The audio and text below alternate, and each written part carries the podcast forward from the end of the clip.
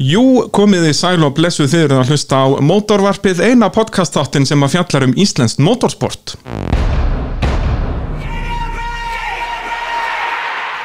Og þetta er allt saman í bóði AB Varahluta og Yðnvjala og gestur þáttarins Sigurður Bræi Guðmundsson, sæl og blessaður. Vondur sælbræði, Hvað segir þá? nú allt megin hægt, miður við allt. Hvað, nú vinnur þú í Kína, er það ekki? Já, ég er að vinna í Kína í tíu ár, tók þar við fyrirtæki sem ég er svo verið að kaupa hluti í. Ég kom hinga til landsins núna í desember. Þannig þetta er allt þér að kenna, basically. Já, ég, ég, eða þá ég er rétt slapp sko þess Já. að hún, verður þarna til í veiran hérna einhvern veginn ég enda á nógum byrjun desember en ég kom með miðjan desember þannig að ég kom ekki með hana. Held Og þá, ég. sem sagt, þú er henni svona rétt sleppur þá bara út úr landið þannig, Já, ekki? ég er rétt slepp út úr landinu. Þarna. Og, en þú ferð út af þessum vírus? Nei, Nei, ég var bara, bara- bara um jólafrí. Já, svoleiðis. Og svo bara eftir jól var allt farið fjandans til hana. Já, svo vanalega fer ég ekki út fyrir sko eftir kínverska nýjárið það er yfir svona endaðan janúar, byrjun februar en það, þá er allt lokað eins og hér var í gamla daga og þannig að ég fer að út fyrir byrjun februar en svo þegar ég ætla að fara út í byrjun februar þá var þessi víra, vírus kominn Já. og þannig að ég hef voru verið að stopp hérna og, en fyrirtækið úti er komið á, á fullt. Ókostin eins og að sá okkar viðskiptavinnir sem eru þessi frægu, frægu brönd eins og Timberland og Sara og Hvað, og svona svo hlustendur viti, hvað er það sem þú ert að gera þannig út í Kína? Það er- þetta er versmiða, ég var fengið til að taka við þessari versmiðu 1990 nei, fyrir ekki, 2009 Já. og eh, og þá hérna gekk erfilega komin að stað og fá viðskiptavinni og það sem að við erum að gera og að þessi frumkvæla sem voru undan mér þeir stopna sem versmiðu 2006 og það er tvent sem þeir gera það er annars vegar það sem við þekkjum sem eru, við þekkjum allir hérna, þessi, hérna, þessi dekk með, með dementunum í artificial já, dementum bara dekk. Þa, já, það er bara heimfært yfir í, í, í, í skófatnaðin, í átsóla svo kallaða Já, já. það er svona anti-slip skór sem við seljum mjög mikið það til dæmis mörgundur úrst pöllum til Kanada þar sem er mikill snjór það var annars vegar og svo hins vegar sem var kannski aðladriði það að við erum að, við erum að framleiða við getum sagt grindina ekki síst í, í háhælag femman sko Það er svoleiðis, já. Þannig að eru ekki, þetta er ekki sér brand af skó í rauninni, heldur eru þið að selja beinagrind af skóm sem þið seljið svo til þessa fasjónfyrirtækja. Já, að því við erum með bílaþættir sko, það getur að ímynda okkur sko þegar bíla voru byggðar á grind að við erum að búið til grindina Já. á skónum og það er, það er, það er og við hönnu þess svona karakterina af skónum og, og, og aðalega eins og ég segi þarf að vanda til verka þetta eru háhæli kvemmaskór. Því eins og þið segja sko það sem skiptir ekki máli hvernig uh, kjól damanir í þurfum lappar inn ef hún er í raungum skóm þá er hún að klúra því sko. Og þetta er mjög gaman að því finnst þér maður að tala um þetta að, að þá þegar við komum með okkar lausnir og þá er látin einn átsóla á þetta og leð, leðrið og hællin og allt þetta. Og síðan er kona látin lappa eftir svona svo sitja menn við svona langt borð kannski svona ég veit ekki hvað að segja 20 metrar langt borð, mjög langt borð og svo er konan látin lappa upp á borðinu fram og tilbaka. Fyrir ykkur fyrir, fyrir okkur og þá segja þeir nei herðu að mjöðmynda hreyfast og lítið og mikið og slíkt og þeir verið að gera eitthvað annað.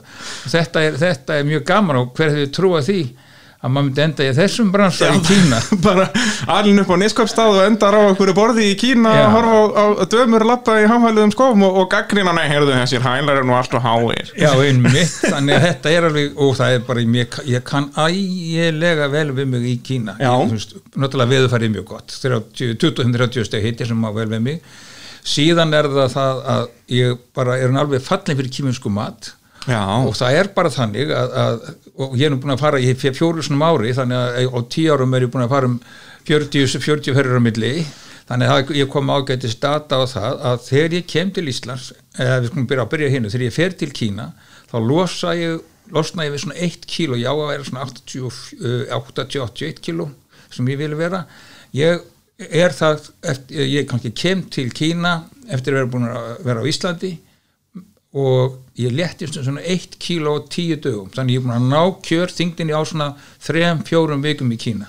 Já. síðan kem ég aftur til, eh, hér, til Íslands og þá er það akkurat þegar þú ferði í brauðið og mjölkur afurðunar þetta að þá kemur þetta allt tilbaka. Já, kynverin er náttúrulega ekkert í því. Það eru bara núlur og svískró það er ekkert brauð og það er enga mjölkurafröður það er bara lúmst mikil sigur í, í brauði og, og mjölkurafröður Já, og bara kolvetni Já, náttúrulega það og kolvetni. Þannig að ég kann mjög vel mig í Kína og þess vegna ég fann að eh, hlakka mikið til að komast út aftur því ég er búin að fastur hérna síðan eins og ég segi síðan í, síðan í Já, það er desember. bara, ef þessi veira heldur áfram er hún að kveitur á endanum bara?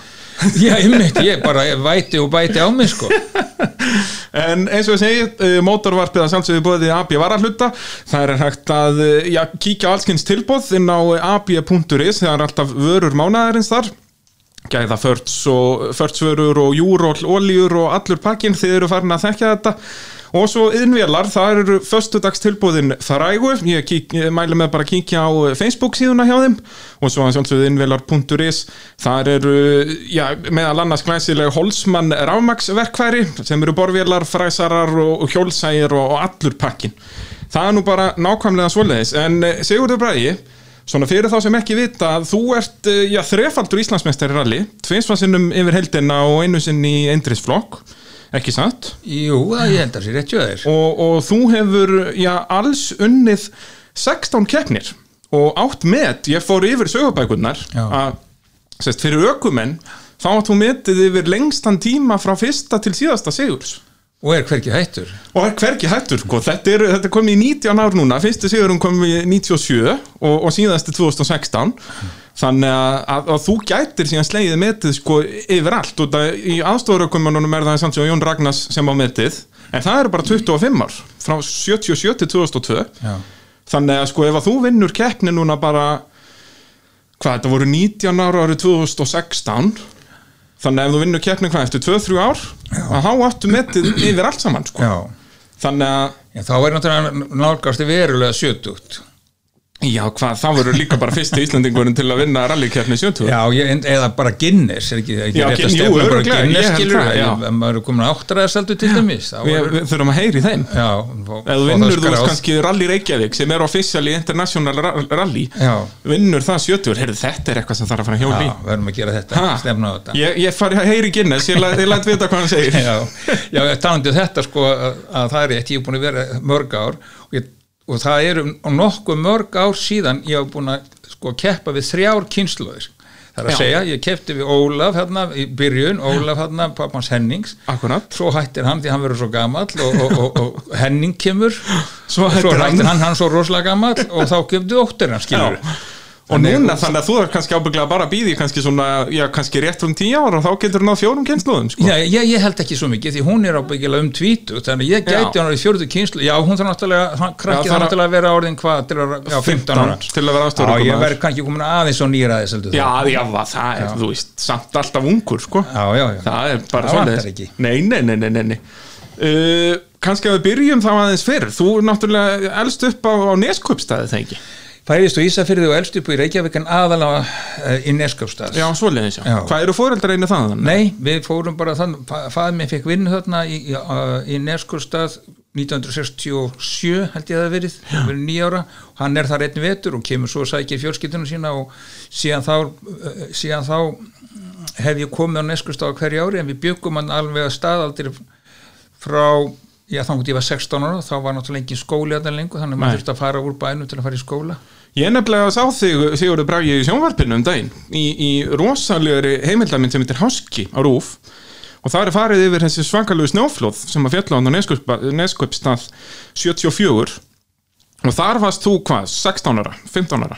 Svoleiðis. Eh, ég er 16 ára gammal þarna. Þetta eru jólin 74 Já, og hvað, þú, varst, þú, þú lendir ekki undir þessu en, en, en þú ert í að- leita fólki þannig Já, það er bara þannig að það er bara maður, sko, ég býr nokkuð eða nálægt miðbænum að Neskurstað Neskurstað er til dæla langur og mjór staður. Akkurat. þannig að ég, þegar ég lít um glugga mó, móðið mér vegum, ég er nýbúin í prófum hérna, gagfræðaprófum og hún segir það eru fallin einhver snjóflóð, ég fyrir út í glugga og þá séð bara fólk ströymin sko hlaupa við, sem við köllum inneftir og, og allir kalla að taki með ykkur skoplu mann allt þetta Já. sem og svo hlaupa menn þarna og maður vissi ekki hvað maður átt að búast við. Eh, og þannig að við bara að hlaupa bara nokkra mínútu þá bara er fyrsta sem maður sér er stórt hús á miðju veginum. Og svo sér maður öll atvinnutækin bræðislun og fristús og allt þetta orðið ónýtt. Og þetta var Já, alveg bara sjó, já, partur út í sjó, já. Og þarna voru steipustöðum farin og, og bílaverstæði þetta var alveg, þetta var ægileg sjón. Já, ekki trúið því.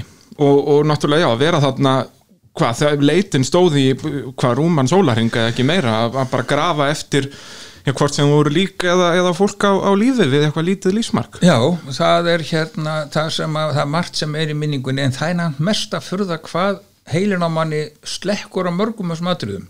Ég man alls ekkit eftir þessu skref fyrir skref, ég man eftir svona einstakum myndum og kannski svona kannski 10-15 sekundar kapla og ég man til því að eitt af sem fór var ofalega hliðinu var, eða nei, það var svona tölutrómar sjó var stekkjaverstaði og þannig að dekk hafðu dreifst út um allt saman. Já. og við vorum náttúrulega látni leita með bambústöngum þannig að þú ítur bambústönginu niður.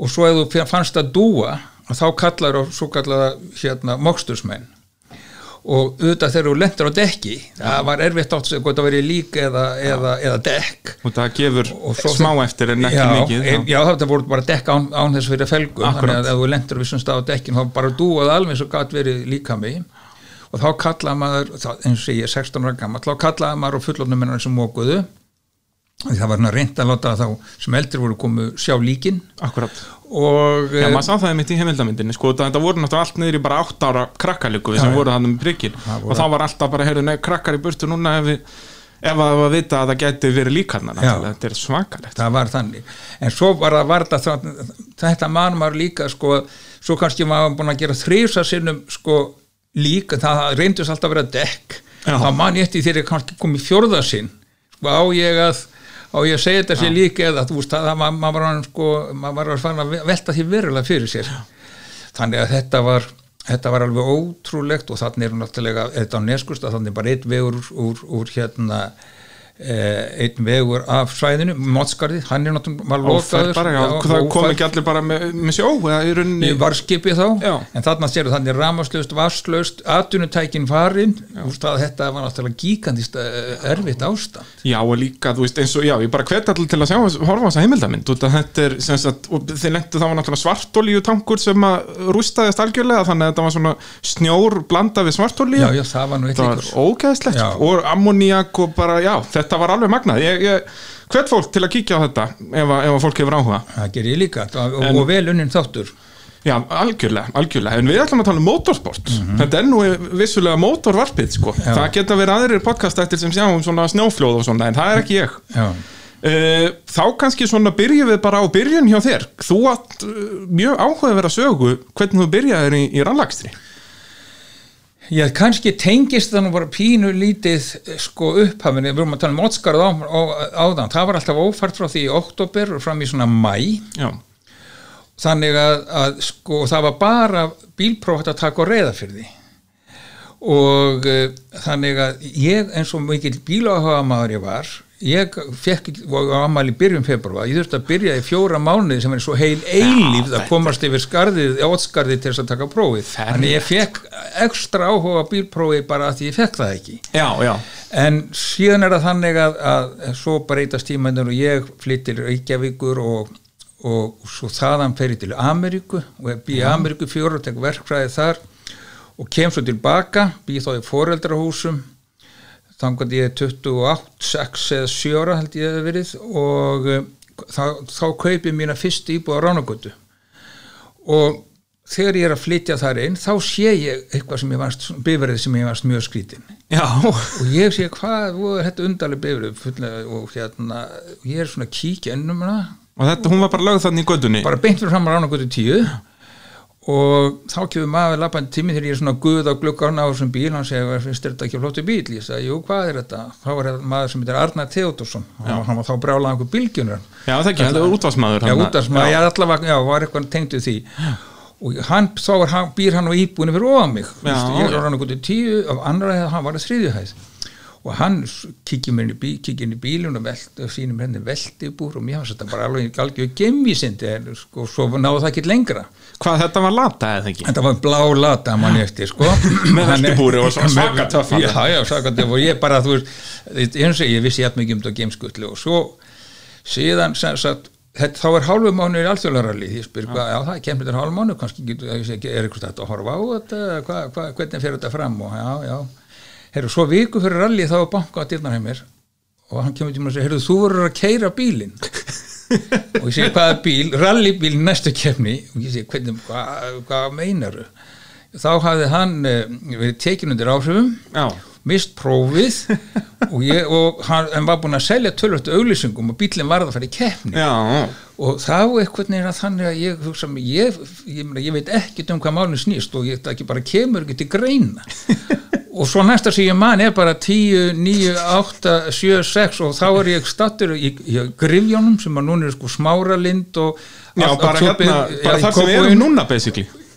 Já, má Já. segja það, já, einmitt. Hérna og það eru hundruðir manns að horfa á svona bökkunum hérna skilur og ég spyr mig hvað er ég búin að koma í já en síðan eru 35 ár síðan. Já. já, 35 ár síðan þetta var. Síðan þetta var sko, en hvernig axlaðist þetta, átti hann svona svakalega að fá að vinni þessi bylgjumæður að, að hann bara bankaði hjá nágrannan já ég, ég spurði úr að spurja hann að því. Ég skildi ekki ennþá hvernig þetta þróist til þessa átt sko. En hvað, þið höfum þá öruglega eitthvað aðeins verið búin að meira að- að í þessum bíl það ekki, þú veist, fórst eitthvað tíma inn í kaffi til hans eða bankaði hann bara upp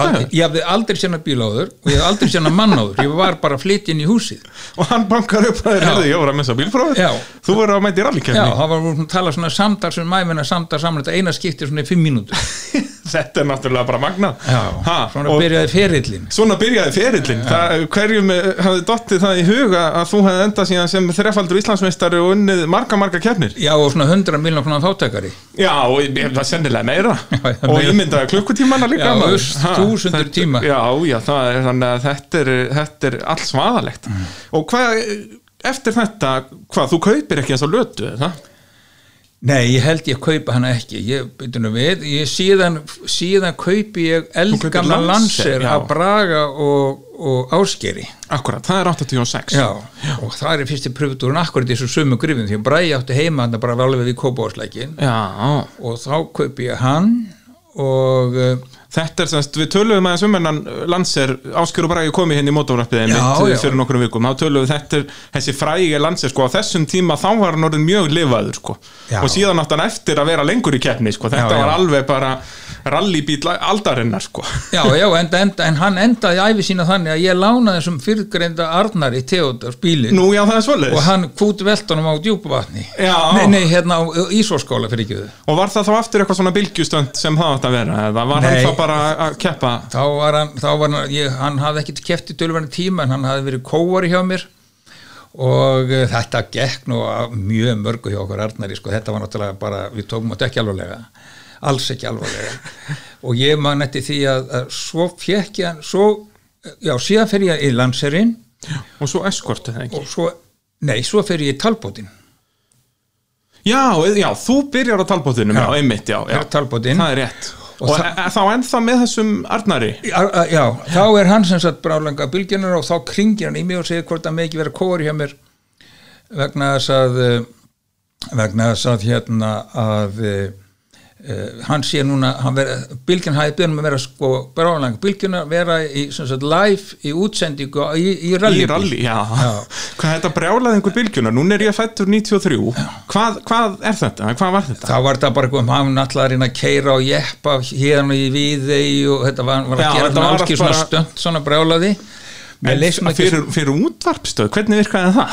Já, þá var hann bara að lýsa. Mér nú ekki, svo, ekki svo rosalega vel á hann því að við höfum náttúrulega farið illa ráð okkar við höfum verið, þegar við vorum að keppa á lötinu fyrir grann landsverðnum þá höfum við bara, þá vorum við að keppa í alþjóðlega og það var reyndar ekki fyrst, það var árið eftir við ekki vera landsverðnum og við bara eftir fyrsta, fyrsta daginn þá bara er sko erum við bara í topp sætunum? Á þessu druslu, maður gjössanlega gegn öllu. En við vissum algjörlega, það myndi ekki endast lengi þarna að fyrstu deginu sko. Þannig við ákom bara á þetta strax þá árangurinn, þú stóðu væri tveir dagar eftir að kemninni og ég man sko að það er nú eins gott að sé allt búið að fyrrnast vegna þess að ég man til því við skemmtum okkur rosalega verið lengi og við vorum bókstælega að, að skemmt okkur, einn, tvo, einn, tvo tíma fyrir ræsing. Og það nú talað um að við sko, það hefði verið áfengi í blóðun, það var ekki, það var valla blóð í áfengin í okkur skilur og, eh, og við kerðum ég man bara hvað var ömulegt þennan dag dag að vera þinnast upp Já, og já, já. svona flökurt og höfuverk og, en hvað það Já, þannig ég þetta er nú sennilega ekki margir íslenskir rallsögu sem hafa hjólaði þetta Nei. að vera svona þinnast upp, byrja hress og glaður klóðan áttu morgunin Já, já, það var alltaf lægi svona fyrir klukkutímana sko. það, það, það, sko, það er til að blóðmag áfengið fónir í svona tvo þá var alltaf lægi Já, já. en svo þú niður fyrir tvo Já. þá byrjaði þetta sko, Fer aðeins að þynnast. Já, þá fór þetta að versna mjög ekki sko. þannig að ég sagði hann við, ég get ekki tekið hann sem brjálaga bylgjörnir í talbóti nú er þetta alltaf svona miklu meira alvöru svona. Já, nú ertu komin á kappastu spíl og... og búin að fjárfesta í þessu bíl og svona En hvað, Já, jú, ertu þú alveg komin með þessa, þessa þetta rallybögg Já. alveg og rúmlega Já, það og hann heldur mér svona við það skilur Já. svona, og hérna og síðan man ég alltaf eftir því að, að hérna að við erum á talbótnum og hann fær að fara með, hann fær að fara með mér stapafellið Já, og það er náttúrulega eins og vanlega er að þá er þetta að því hann í er bein útsending frá bílnum. Ég er búin að segja svo sögðu og, og hérna Já, þú hefur aldrei sagt hann í Nei, mótavarpinu aldrei um út og hérna, ég ábyrgður að segja hann að markofti viðbútt, en hvað er það? Að, að, að hérna, við erum náttúrulega ekki með neitt eindir komið en eitt, við erum bara með hjálmanna og þvílíkur háaði bílnum, það hefur lítið ykkur öðrum.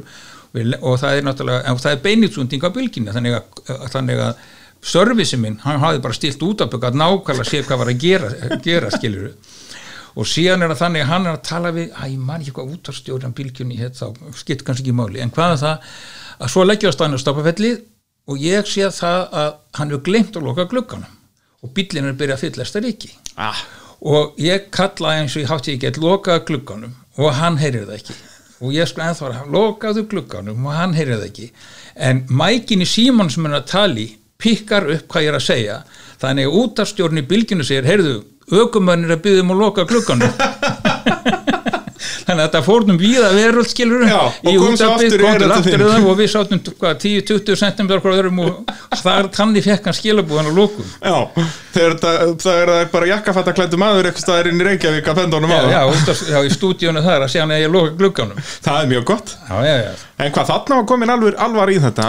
Þessi talbót var nú alveg bít sem átt að geta unni já Og hvernig, þú, þú varst nú ekkert orðin einhvern svona dræver þarna? Nei, ég var það ekki sko, ég sko allt er þetta einhvern veginn að gerast þegar maður er að koma undir svo fótunum, ég er þannig nýkomin verkfræðan á mig, ég er að koma með þessa íbúð og, og, og maður þarf að sanna sig í starfi, þannig að það var takmarkað tími, það, ég var alltaf þegar ég tekið við nýju fyrirtækjum ég er nú svo, ekki þessi óheppin að einu, einu fyrirtæki sé að fæða stjórna það eru fyrirtæki sem umtöfli verða gjaldróta sko. Já, þannig að, eh, þannig að, að það er mikið að gera þannig að það má segja að lægðirnar sem voruð komast í mínu ferli það fylgja alveg þegar ég er nýbúin að taka við nýju starfi hvað það heitir um, hvað það heitir plastbrendi eða sigurplast eða alban eða hvað það heitir. Og uh, og þess vegna á þessum talbútíma þá hafði ég ekki svo mikið tíma í rally, það var mjög lítið hluti af mínu, mínu lífi sem mátti komast, það var ekki verið að tími að skoða leiðir og svona.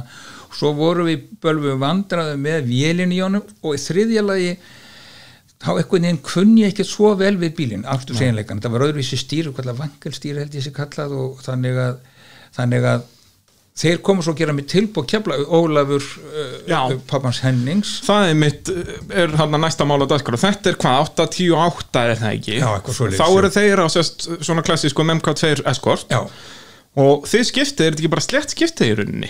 Nei, þeir borgu nú eitthvað á milli Já, þeir borguðu eitthvað á milli.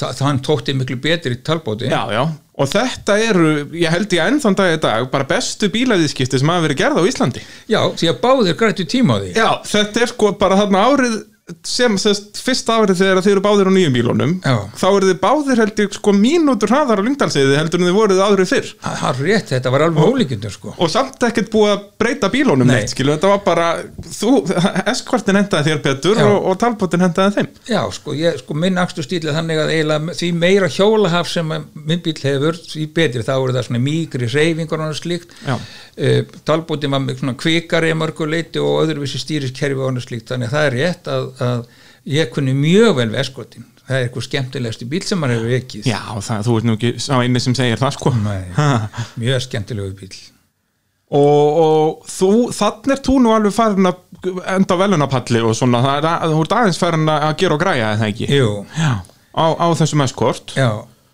og, en síðan náttúrulega kannski pínu svekkjandi fyrir þeim að Óli náttúrulega verið mestari á gamla bílum þínum. Já, 89 hann gerir það það er það vélinn hangir í lagi í honum. Já, bara í raun í þetta eina tímabil. var hann ekki í ekkur þrjú tímabil á honum og það var alltaf eitthvað vélavesen Jú, og svo vinnur hann titilinn og ef ég mann þetta rétt þá fer svo bara vélinn bara strax og eftir það.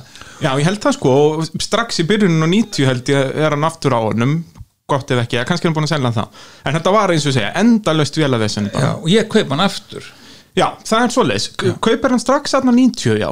Já, en hvað með þennan hérna, þú varst á Nissan eða ekki, kaup- 240 já, RS ég Nissan 240 RS hann var sjálfur sér ágættis bíl en hann var rosalega hastur aftan. Og, og þó ég vissi ekki hvað var alvarlegt á þeim tíma þá hef ég verið með svona og við, því miður hefur það svo erfst í sínu mína þá er ég með beinsjúkdóm. Þannig að mín bein eru miklu miklu veikar heldur en gengur að gerist. Þetta er mælt í lærleik og hrygg og ég bara með í kringum kannski hálfan styrk alveg frá uppaldi, þannig er það við erum með sterkastu beinagrindina nokkuð með einn svona 25-6 ára gamli og síðan hjá okkur öllum er þetta minkað um 1-2% beinagrindin er stór þetta fyrirbæri vegna þess að hún endur nýja sig, þú, maður getur séð kannski beinagrind á fjalli sem hún er verið þar í 100 ár. En í okkur er hún endur nýja sig algjörlega á eins tækjara fresti, því ert með beina brjóta og beina byggja. Já, og hann var mjög harstur þessi eh, Nissan. Já, og hann, sko, þannig að það, kom rosalega svona högg alltaf undir bakið á manni. Og ég stekk þarna á honum í eitthvað starf svartagíli svartagili, já, það ekki. Það er þarna, er þetta ekki á Snæfisnesni? Nei, þetta er hérna rétt hjá Bifröst og þar. Já, það, já, Bara einmitt, við Norðurá. Já, við erum bara að kera með frá Norður á og það stekk ég, þetta var ekkit svo rosalega stökk en þó þannig að ég sagt, stekk fram af og lendi svo, hvað var kallað það, í brekku á móti. Þannig að þetta verður þetta, þetta, þetta er til á vídjói já, þetta er eitthvað til að vídeo hérna, ég, að það er náttúrulega þýðir lítið að spila vídeo í, í, í podcast þætti Mm. en, en hérna þetta sést til að, að, að já, þú lendir rauninni á öðrum stökkpalli. Þetta eru svona tveiri rauð og þú stekkur aðeins og langt. Já, og, og þetta er alveg frekar vondtök, maður sér það sko. Þetta er að enda fara þá tveir liðir sen, saman. Já, þarna brýtur í Það í eða sem fyrst- í fyrsta skipti. í fyrsta, já, nákvæmlega. Þetta brítið með tvo liði og þryggja liði en uh, næmi nú eiginlega alveg eftir það á nokkuð einu, hálfu til einu ári. En hvernig er þetta? Sest, þú kaupir þannig Nissan þegar ekki á honum Páli Kára, Krist, nei, honum Páli Pálsinn eða Já, ég hann á Póli Pólsinni, lendir svo í þessu slísi og þá held ég þetta sé nú komið gott í þessi rally heimur, ég var náttúrulega hrættum maður maður er illa við að bróta þessu bakið. Þannig að þá kaupa vaksinir e, e, e, Einmitt. hann að mér og setja gömlu sefetun upp í.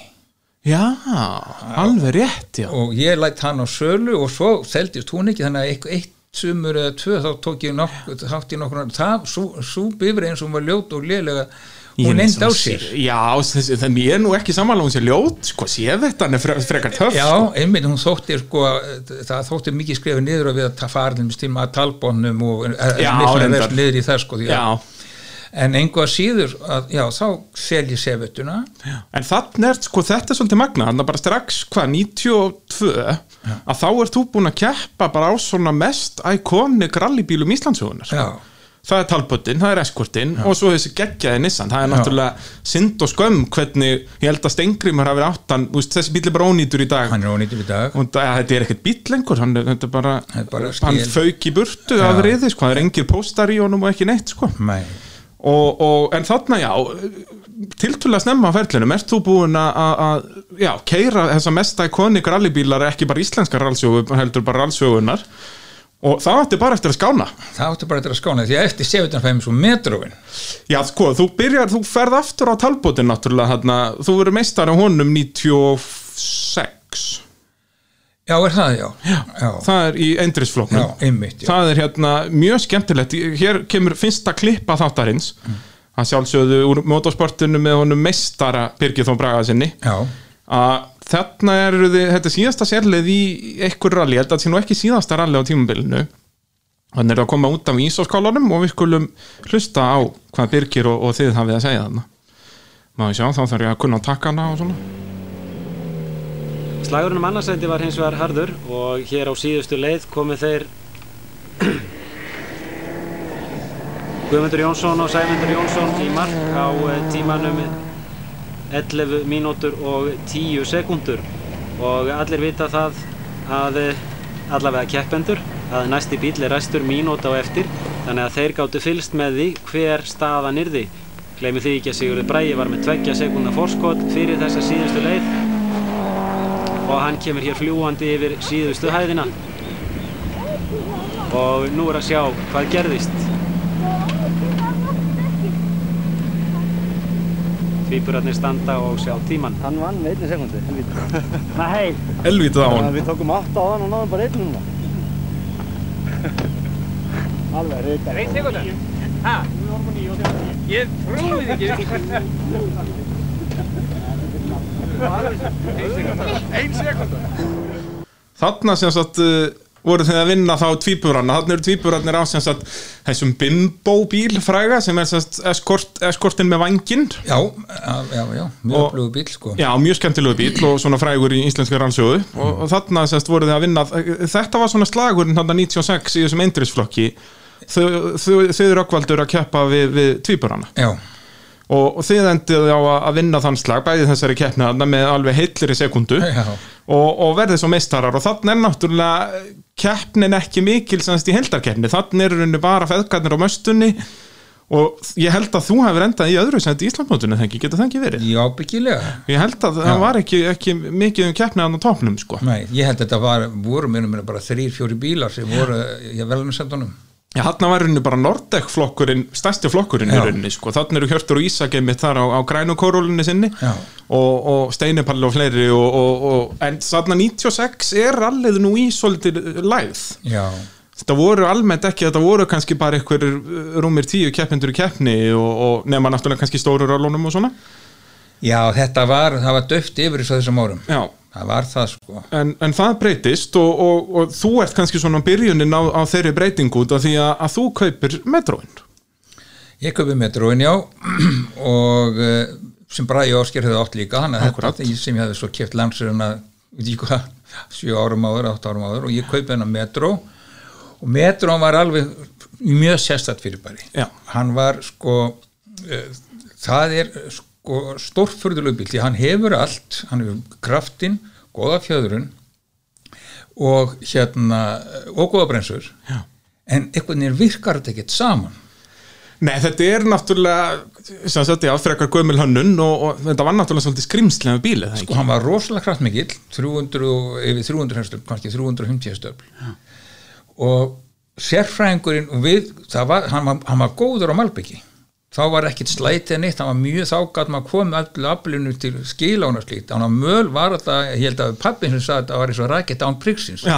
það var ekki nokkulega að stjórna þessu Já, þetta er, er ekki aðalega út af hann er svo, hann er svo stutt að hann er eiginlega bara kassalaga bílinn. sko. algjörlega og, um, og síðan var þetta diskalæsingar í honum voru eitthvað, eitthvað skrýtnar sko og ég veit að þá var við réðum ekkert við bílinn og við hérna, þá hérna var maður sem heit John Price sem var breyti og þekkti þessa hérna metro algjörlega og kunni alveg að setja það upp og svona. Og hann var spurður að því býtu við eh, það þetta er ókerandi þessi metro. Og það sagði nú, eh, hvað leitar hann mikið til liðana, já, innmitt og, og þegar þú bremsa þá voru mjög óstöður já, og, og þegar þú gefur í þá, þá vill hann hendast til þessu. Já, já, ymmit, já, þá er hann rétt stiltur sko, það, það var ekki tækt að stilla það. Nei, þetta var gjósan og aukafætt og svo líka síðustu árin það var grindunar svo léleg.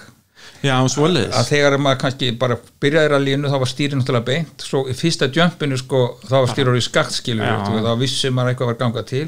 Og Ísak sem var þá var kóri hjá mér fljótlega sko honum brá sko sjá, þú ert til hann fyrir fyrstu ferðina sko sjá bara yfirbygginguna titra það er eins og hún sé að búist að fjúka af bílnum Já. skilur það var bara eins og og defendi sko á 200, það er ímyndaðir Já, og bera með hérna trissuhjólinn bara við vinstra eira á þér líka við, þú veist, vélinn er náttúrulega hann bara sentimetri fyrir aftan þig, sko. Algjörlega og þú veist það sko, það nú sko, þú ert með vélina fyrir framæðu þú ferð út af 150-200 vélina þá allavega til að brjóta og grjótið undan þig en þarna kemur vélina á eftir Já, þarna er bara, hún kemur í gegnum bekki á þér meðan hálfur sentimetri að treppa og að bjarga á þér njánum, Já. sko. Þannig að þetta er, var svolítið vilt apparat, sko. stór, stór hættulega sko En, en hvernig, þess að þessi bíl náttúrulega gjör breytti rallinu hérna þegar Ásker og Bræði koma með hann Já. og varstu þá, varstu bara að fylgjast með þeim þarna og hugsaði bara, heyrðu, þennan bíl langar mér í Þú veist, af, af hverju keiftur en metro frekar en eitthvað annað, var það bara út af að þetta var aðalega bílinn? Nei, ég hef bara, sko, ba ekki bara rally heiminum, þá bara almennt hef ég, sko, mikið áhuga á bíla, þá eru, ég myndi aldrei kaupa mér, sko, hvað var að segja, bíl sem er mjög algengur Já. og, og hvítan og lit, ég myndi, ég held Það að er- bílaflóttu minn er allir, sko, rauður eða Já, og racing þú, þú, þú elskar líka breska bíla Já, mikið bara, sko, en líka, líka þíska, en bara þetta séu svolítið öðruvísi en öðru Já. bílar og metrum var svo Já. öðruvísi tikkar í öllum böllbóksin þar en hann var bara sko, maður náði aldrei þeim tíma sem að ég er viss um að sko góður professional aukumar hefði náð. Já, þetta kannski líka snýst ekki um sko professional ökumenn, þú veist, allan fyrir mitt leiti held ég að þessi bíl hafi bara aldrei henda þér.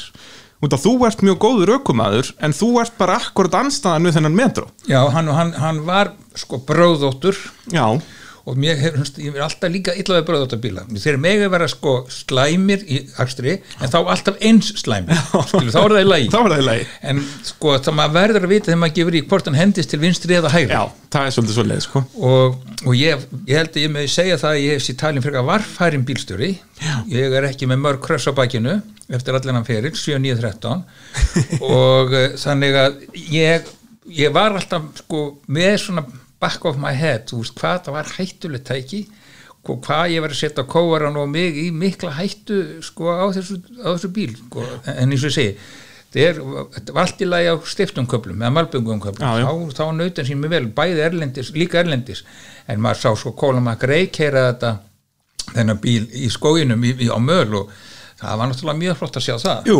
en það segir Kólum að greiða það með ég aldrei líða meir en 48 tímar á millega sem að keiri sko bíl, þá sem maður fann að missa þetta niður. Hér, hér missa maður stundu 48 mánuði líka. Já, liggur við En þessi bíl gefur nú þinn fyrsta sigur hérna í Alþjóðarallun 97 Við skulum uh, hlusta aftur á okkar mann Birgir Þá Bragason. Á tímabili voru þeir konum með þryggja mínútna forskot á aðra keppinauta sína og sigur í sjónmáli. Eða Sigurður, erfiðasti dagurinn í rallinu búinn? Nei, morgundagurinn er erfiðastur. Það er að halda haus og klúðra þessu ekki. Ég held að morgundagurinn er alveg erfiðastur.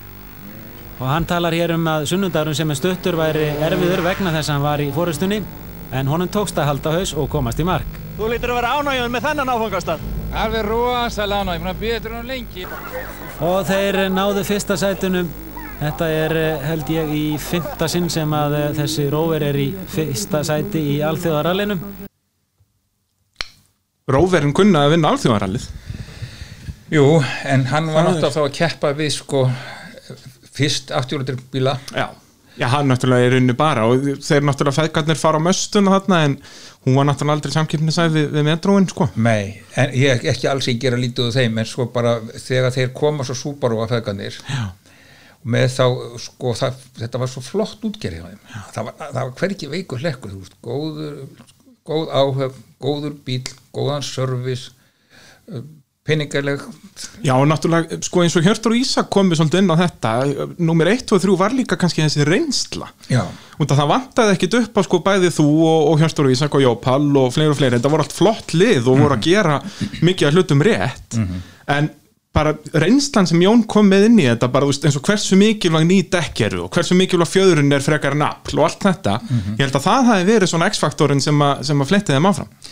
Þess sko þetta er merkilegt að segir þetta sko, ég hef oft hugsað um það. Sá fyrsti sem að vissi og gerði sér grein fyrir þetta er engin hróki í mér en ég bara gerði sér grein fyrir að ég yrði sá sem að myndi sko, taka við að þeim. Já. það var Jón.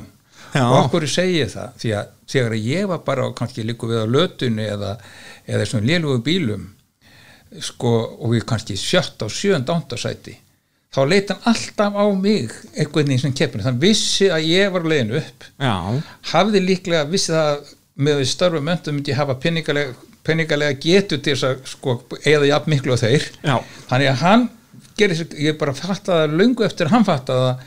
Já auðvitað, hann var búin að fatta að ég myndi taka við dag Og það er nú líka eitt stór partur í, í sérstaklega íslensku ralli eða bara í ralli allstaðar því miður myndi margir segja að þetta er náttúrulega mjög mikið peningasport. Þú, þú þarft að, ef þú ætlar að keppa tímabil eftir tímabil eftir tímabil Mm. að þá verður þú að, að annarkvort hafa mjög góða bakkjarla eða vera bara mjög vel efnaður maður. Það er rétt, en þá er mikilvægt að huga þú þarft að hafa peninga til þess að vinna en það er ekki það sem þú vinnir þú hafið peninga Nei, og við höfum séð mörg dæmi um það við sko. komum sé marga ríka, ríkar menn en okkur kom inn í þetta Akkúrat, og, og, sko. þeir eru enga möguleika en þetta þarf að fara saman Akkúrat. að kunna, kunna og, og þegar ég er, þegar við erum að tala alltaf um minn sigur þá náttúrulega má aldrei gleyma því að ég kann ekkert að gera við bíla Nei, það er alveg magnað og Kann- kannski kann förum aðeins yfir já, það sko að, þannig að, þa- þannig að ég- þetta eru náttúrulega mínir kóarar og aðstofa, aðstofa lið sem á starri hluta í mínum sigurum heldur en sigurum annar ökumanna. Algjörlega. Því að ég, ég, ég, ég, er algjörlega gagslaus og þetta, mér finnst þetta nefnilega alltaf svo magnað sko, að, að þú sko strögglar við að skipta um dekk ég er ekki að segja að þú, þú getur öruglega að skipta um dekk Nei, ég er hættur að reyna að ströggla Já, það er svoleiðis, þú situr bara inn í bíl. Já, svo, st- það er náttúrulega hlegi að ég á bíl ennþá þegar að hérna, við, þegar að ég var keppið Björgvinni hérna fyrir Já, hvað tveim árum síðan eða þreim árum síðan, hvað er svo hljótt að líða þá sem sagt var eiginlega bara ákveð að ég kem ekki nálætti en ég Já. kunni nú ekki við þegar við sprengtum dekkarna á, á Ísóskóla en heldur hann að reyna að lifta eitthvað um hendi þannig að ég fer út þarna þegar hann er að bisa við að við, við þeim og ég sé náttúrulega dekk þarna og ég hendi því inn í skotti og þeir náttúrulega og, og rétt honum hitt ekki og þá var, hann, þá var það þannig að ég hafði tekið heila dekkið og gengið frá því og lá- látið hann fór sprungna dekkið aftur þannig að það er eiginlega bara verra það var verra, þá, að ég, þá, þá var, sko sagði ég ok, núna hér eftir er ég býð ég bara í bílnu ég þegar það ætla inn í springur bíl bara og festa á með beltin Já. þú reddar þessu. Já, en, en talandi um þetta a- a- um peningana og þarna náttúrulega í kringum aldamótum þegar þessi svakalegi slagur er á topnum eins og við um, um, kofverað í, í þáttunum með Hirt og Ísak og, og Jópall að þá ert þú aftur sagt, businesslega séð svolítið upptekinn, get, mátti ekkert vera við því að keppa mikið í rallið þarna? En sko 19, september 99 þá teki við stæðstastarfinu má segja sem ég teki við, þá verði forstjóri Plasprints. Já. 100 manna fyrirtæki sem á vissum erfileikum og þegar maður kemur inn svona fyrirtæki það, þú, þú, það er ekkit kvikk kassi þessu, þetta, þetta er einu tækja þryggja ára prósess að rétta svona fyrirtæki við. Og þú eru að sína góða fyrirmynd og þú eru að vinna mjög, mjög mikið og þess vegna þessi ár 99, 2000, 2001, 2002 þá er ég bara innbjöti mér að þeim rekstri. Og, um, og þá svona uh, þá er engin tími til að skoða leiðir eða undurbúa svona slíkt. Nei, ekki allavega á, á pari við þessa Nei. hérna hinna, þú veist eins og þeir töluð allir um í, í þáttunum hérna já, fyrir mánuðum og vikum að, að þeir voru að eyða dögum, jafnvel vikum í að skoða og svoleiði, sko. Já, ég mændi því að það var eitthvað tíma þegar maður var í þessum bra- bransa og mjög upptekinn skilur að það voru kannski tíu leiður að rallyinu og þá fór ég yfir hverjar eru fyrstu 5-6 leiðarnar og ég sagði ok, við skoðum bara fyrstu 5 því dettum ábyggjala út eitthvað þarna skilur þannig að við þurfum ekki að að skoða þær leiður Nei, og síðan náttúrulega hérna, mörg þess ár keftir ekki einu sem allar keppnir, sko. Nei, nei, Þannig að þú varst ekki svona alveg í, í slagnum um titil, en þegar þú keftir og þegar þú kláraði eins eftirklega, þá varst hún yfirleitt að palli. Já, það vantaði ekki, sko. já, já, já. En þetta, mér þykir þetta nefnilega svo skrítið með, í íslensku motorsport er ekki margir sko sem að get ekki keft út að þeir svo uppteknir að rétta af hundramanna fyrirtæki sko að- vera á- fundum í jakkafötum sko, vennilega er þetta kannski sjómenn eða eitthvað svoleiði sko. En, en eða, eða einhverjir bílapartakallar eða eitthvað svoleiði sko. En þarna var það sem aftur að þér að þú varst alltaf í jakkafötunum bara á einhverjum fundum. Já, akkurat, það er samt sko, ég man eftir einu rally, allavega einn í sérleið og þá var það þannig að það var einhver útlninga hjá mér og það var sko ræsing klukkan, fimm á fösti eitthvað svo reis, eða fjögur eða fimm á fösti og ég er þá í sko lönns með útlningunum hjá hérna þrejum frökkum og bara eitthvað 2.30 fyrir ræsingu Já, og það bara dregst fundurinn skilur Að reyna að ná einhverjum svaka díl já, reyna þarna og maður gæti ekki slítið þetta var náttúrulega mjög mikilvægur hundur og, og ég man það að ég rétt kemst heim í gallan og þá var fyrsta legin Reykjanes þá var ég myndi að keppa við þá voru þeir held ég örgulega á Toyotunni uh, uh, hérna Hjörtur og Ísak. Og ég kom sko ég var ennþá sko hausunum mér var ennþá á, á, sko hérna hvað segja mætinga hérna fundar, fundar sem sagt hvað við segja, já ég var að hugsa um fundin eitthvað bara, já, ég, ég verð að bjóða þeim þetta. Já, og ég var ennþá að hugsa um fundi bara fyrstu einn teimleiðunum, en það sem komur óvart, ég náði fínum tíma. Já, það er svolítið ég hef aldrei skilið það. En þá var þá bara eitthvað nefn skipt ekki máli ég, var nokk saman ditt út ég hafði enga tíma til að standa í salmenlega þannig að ég vissi var nákvæð að ef ég myndi sprengja, þá myndi ég bara hætta skilur, Já, svoleiðis, já, og fara, svona- fara að vinna skilur en svo þetta voru, já, þannig ég missi af þessum árum því miður þarna 2000, ég er bara dett inn í veitt eitt, eitt og eitt rann Já, þú ert svona ekki alveg hérna upp þér sko. Nei. Og- og ég alls ekki kannski upp þær í einu og einu rally en ég átti aldrei neina mögulega í titil. Ek, Nei, ég segi það sko, þú varst alltaf þegar þú mættir sko, og hérna er einmitt, var mjög skemmtilegt rall, alþjóðarallið 2001 þetta þar lendur í smá hremmingum við skulum heyra hvað við hafum að segja þetta er sérst eftir djúpa vatnið bara á 50. kvöldinu og þá kemur þú út af leiðinu og hefur þetta að segja Annar besti tími á leiðinni hjá Baldri og Arnari. Þá komur Sigurður Bræi Guðmundsson og Raukvaldur Pálmarsson á Róver 6R4 og þeir jöfnuðu tíma þeirra Hjartar og Ísaks. Þetta er búið, vélinni farin hjá okkur, oljurstingu farin, þannig að þetta var bara strax í byrjun, byrjaði þetta ljósa klotta fram í okkur til miður. Við ákvæmum bara að klára. Ótrúið dæmi. Kannski geta Þóraldur gert við þetta. og já, Þóraldur gat nú alveg svolítið gert við þetta, ekki, Hva, hvað var málið þarna?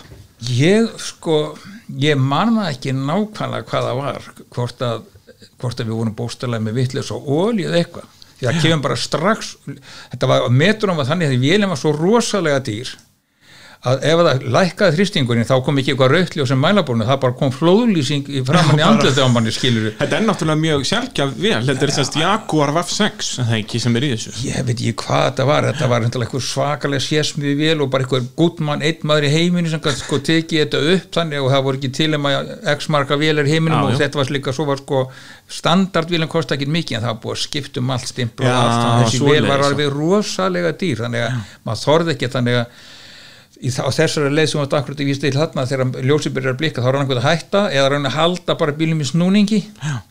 til þess að losna við þetta ljós saman í andlitið á sér þannig að mér, bara þegar ég heyri þetta núna kemur óvart að ég skildi verið í toppnum með, með, með bílinn svona Já, og þetta er nefnilega, þú útskýrir það hérna eftir lingtalsiðinni mitt, sko, að þetta var kannski ekkert aftræðir svo mikið, sko, eins og, eins og orðar það hér. Þú tókst einar uh, 11 sekundur af Baldri. Frábært, þá komið í annarsæti. Æðislegt, þetta er gaman að taka bara hverja leið fyrir sig. Ég þarf að snúna svona mikið til að halda þrýstinum upp og það verðist bara að gera mér betri tíma eftir allt saman. Þannig að þetta var stórkrófa business að hafa þetta oljuljós framann í þarna. Já, sko á, á lingdaseginni Já, það er náttúrulega svakalega hratt. Já, en á, sko, á djúpavatninu sem er svona þröngt, sko, þá ert aldrei í botna á svona bíl Nei. Þá ertu bara, sagt, því miður þá þurfti ég þarna að vera mjög lágum gýrum í gegnum beiguna en þetta, svo nýttist það alveg svo ég segi þarna á lingdaseginni sem hraða kabla, það var bara fínt að snúa upp í átt á snúninga. Og halda þig þar. Já, Það hérna, en þú endar í öðru sett í þessu rallið þarna, þannig að eins og við töluðum um að þetta var ekkert, þetta var ekkert hræðilegur tími hjá þér, en, en náttúrulega það vantaði svona, já, þetta næsta level. já, hva, hvað ára var þetta segir Þetta er 2001 sko, þannig að þú ert náttúrulega mjög nálægt í að vinna titilin hann 98 Það var alveg grátlegt. Það var alveg rosalegt, það er Það- nú bara saga segja því, það er þannig að við, hann var í hendin í tjóta Já, það er svo leiðis það er þannig að við sko höfum, vorum, þá voru við nýbúin að fá bílinn Palli og Jói. Já. og þeir áttu enga möguleika þannig í, þú veist, áttu ekki allavega möguleika í okkur þannig. Og við þurftum bara held ég, já þurftum bara að vinna á þá. Já. Já, þetta var sem sagt þannig að, að, að náttúrulega feðkarnir voru á leikasíunum Já. Fyrsta árið þeirra sest full season á leikasíunum Já. og þá þeir voru búin að detta út tveimur keppnum Já. brotnuðu einhverju tveir öxlar í fyrstu keppni Já. og svo girkassin í alþjóða eða eitthvað svo Akkúrat. og, og þannig eru þið sem sagt, þú ert nú yfirleitt búin að vera hraðari en, en Jópal, en Jópal líka stundum búin að vera hraðari en þið Já. í einni keppni duttuðu báðir út Já. á Dómadal eða eitthvað staðar og, og fyrir haustralið er þetta bara svona sjótan við fórum mikið yfir þetta náttúrulega með Jópal. Þetta var náttúrulega þeirra eina titill. Gerðum mikið grínaðir, sko, ég endilega ekki hlusta þann þátt.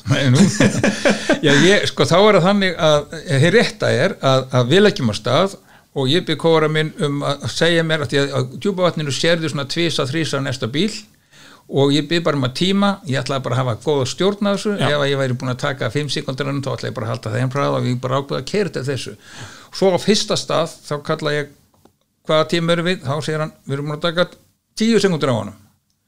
Ég segi frábært, þannig ég hægi nú bara aðeins á. Og eh, svo á stafnum við tvö þá segir hann við erum að taka 20 sekundur á honum. Ég segi það er frábært alveg. Og síðan, síðan á þriðasta sem er hann tildulega sent í þá sé ég þá ekki. Og hann sé við erum búin að taka 30 sekundur á hann ég segi það getur bara ekki verið. Þá kemur í ljós, við erum búin að tapa 30 hann lagði þess að hann, hann, hann, hann, hann, hann, hann stað fyrir að draga frá og lagði Plús og mínus. Já, mínus. Rugglaðast eitthvað hjá hann þannig að við erum bara komin í 30-35 sekundum eftir eftir fyrstu leið. Já, eftir þess að fyrstulega mótni, það byrjaði þarna okkur tveimur ferðum um kvöldið. Þar lendum við akkurat þar sem við vildum vera sko. Já, hafa, að hafa undan okkur einu teim sekundum það, mist, það tókst 100% Já, og einmitt sko það, Jópal vildi alltaf reyna að hafa sko Toyotun á milli út að þannig er Toyotan bara eiginlega nýkomin hjá Hirt og Ísak. Já. og það gekk einmitt ekki, þú náður að vera undan Toyotun en samt Já, með Jópal undan já, þér það sko. var algjörlegt í plani ég vildi alls ekki vera undan og akkurat að geta mæltan þrísar alltaf hann á leiðinni daginn eftir. Og, og síðan er það þannig að ég er þannig heldur byrður að taka mig á. Svo tek ég einhverja sekundur á þeim alltaf og þetta lítur að geta út Já, þú ert alltaf að saksa þeim, þú veist, þannig er við ekki verið að keira hvað, þá Ísaskólan, Reykjanesi jafnvel, já. Reykjanes og þetta, já og, og þú ert svona aðeins að saksa og saksa og saksa já, já, og ég held ég hafi svo bara bóstalunar að ég haft það í hendi þá sprengi ég Já. þá kem ég svona í blindhæð á metrónum og uh, og hérna þá bara akkurat steinn í kverkinni og hann er akkurat á allraðasta kaplanamanna í hrauninu á Ísóskóla þannig að það er ekki nokkulega að sveigja eitthvað frá Nei, þú bara lætu vaða á grjóti eða út í hraun það er bara tveir möguleikar og ég fer á grjótið og það springur og þar tapaði ég einhverjum 20 sekundum og tapaði titlinum á þessu. Já. en ég tapaði náttúrulega titlinum bara klöfugangi okkar áöfnunum fyrstu leið sko. Já, ég reyndi út að náttúrulega ef þú hefðir keirt það bara þétt og, og gott þá hefur aldrei þurft að reyna svona mikið. Nei, nei, nei, nei. en það hefði kannski líka verið áhuga að vera þá hefði Jópal líka verið að kera náttúrulega mjög hratt sko og þá hefði þetta verið bara sjódánað síðustu leið. Já, já, en, en við fengum aldrei að sjá það út af, út af já svekkjand að missa titlinum hann 98 svo ertu eins og við fórum yfir áðan eh, ekki mikið með þarna í kringum aldamótin en þó alveg, jú, þú ert náttúrulega mikið með en, en svona, já, ekki á hæsta leveli. Uh, 2003 að þá eru semst bæði landserinn og Toyotan farin. Að þá er þetta í rauninni bara þú á, á metrónum, hann er metrónum rauður og þú kom með Ísak með þér og þú ert þá að keppa við þá bræðurna þannig eru þeir Rúnar og Baldur komnir saman Mhm. á, eða hvað er það 2003 sem að Baldur er á honum líka þegar Rúnar veikist, það getur verið að Rúnar byrjaði og svo veiktist hann. Já. en þannig er þetta í rauninni bara þessi tveir bílar að berast á topnum Já, en allir, allir Baldur hafi ekki verið allan tíma því hann er ekki Baldur Íslandsmeistari þarna? Jú, er það ekki þá hlýtur hann að tekið þátt í öllum keppnunum eða ekki? Nei, Nema ég held nefnilega ekki sko, það, er, nei, því- það er ábygglega 2002 Já, já, sem, að þá Rúnar tekur fyrstu keppna, veikist svo og, og Baldur klárar en þá var það eitthvað sko, þú mættir ekki á krókin eða eitthvað svona sko, já, já. Uh, 2004 það mikla ár þar kaupir þú Ford Focus já. sem að er, ég held ég bara enn þann dag í dag, einhver almesta græja sem að sést hefur í íslensku ralli já. Já, kannski á pari við, sko, þegar náttúrulega metróin kemur sko 90 Já. þá var það náttúrulega svolítið mikið græja Já.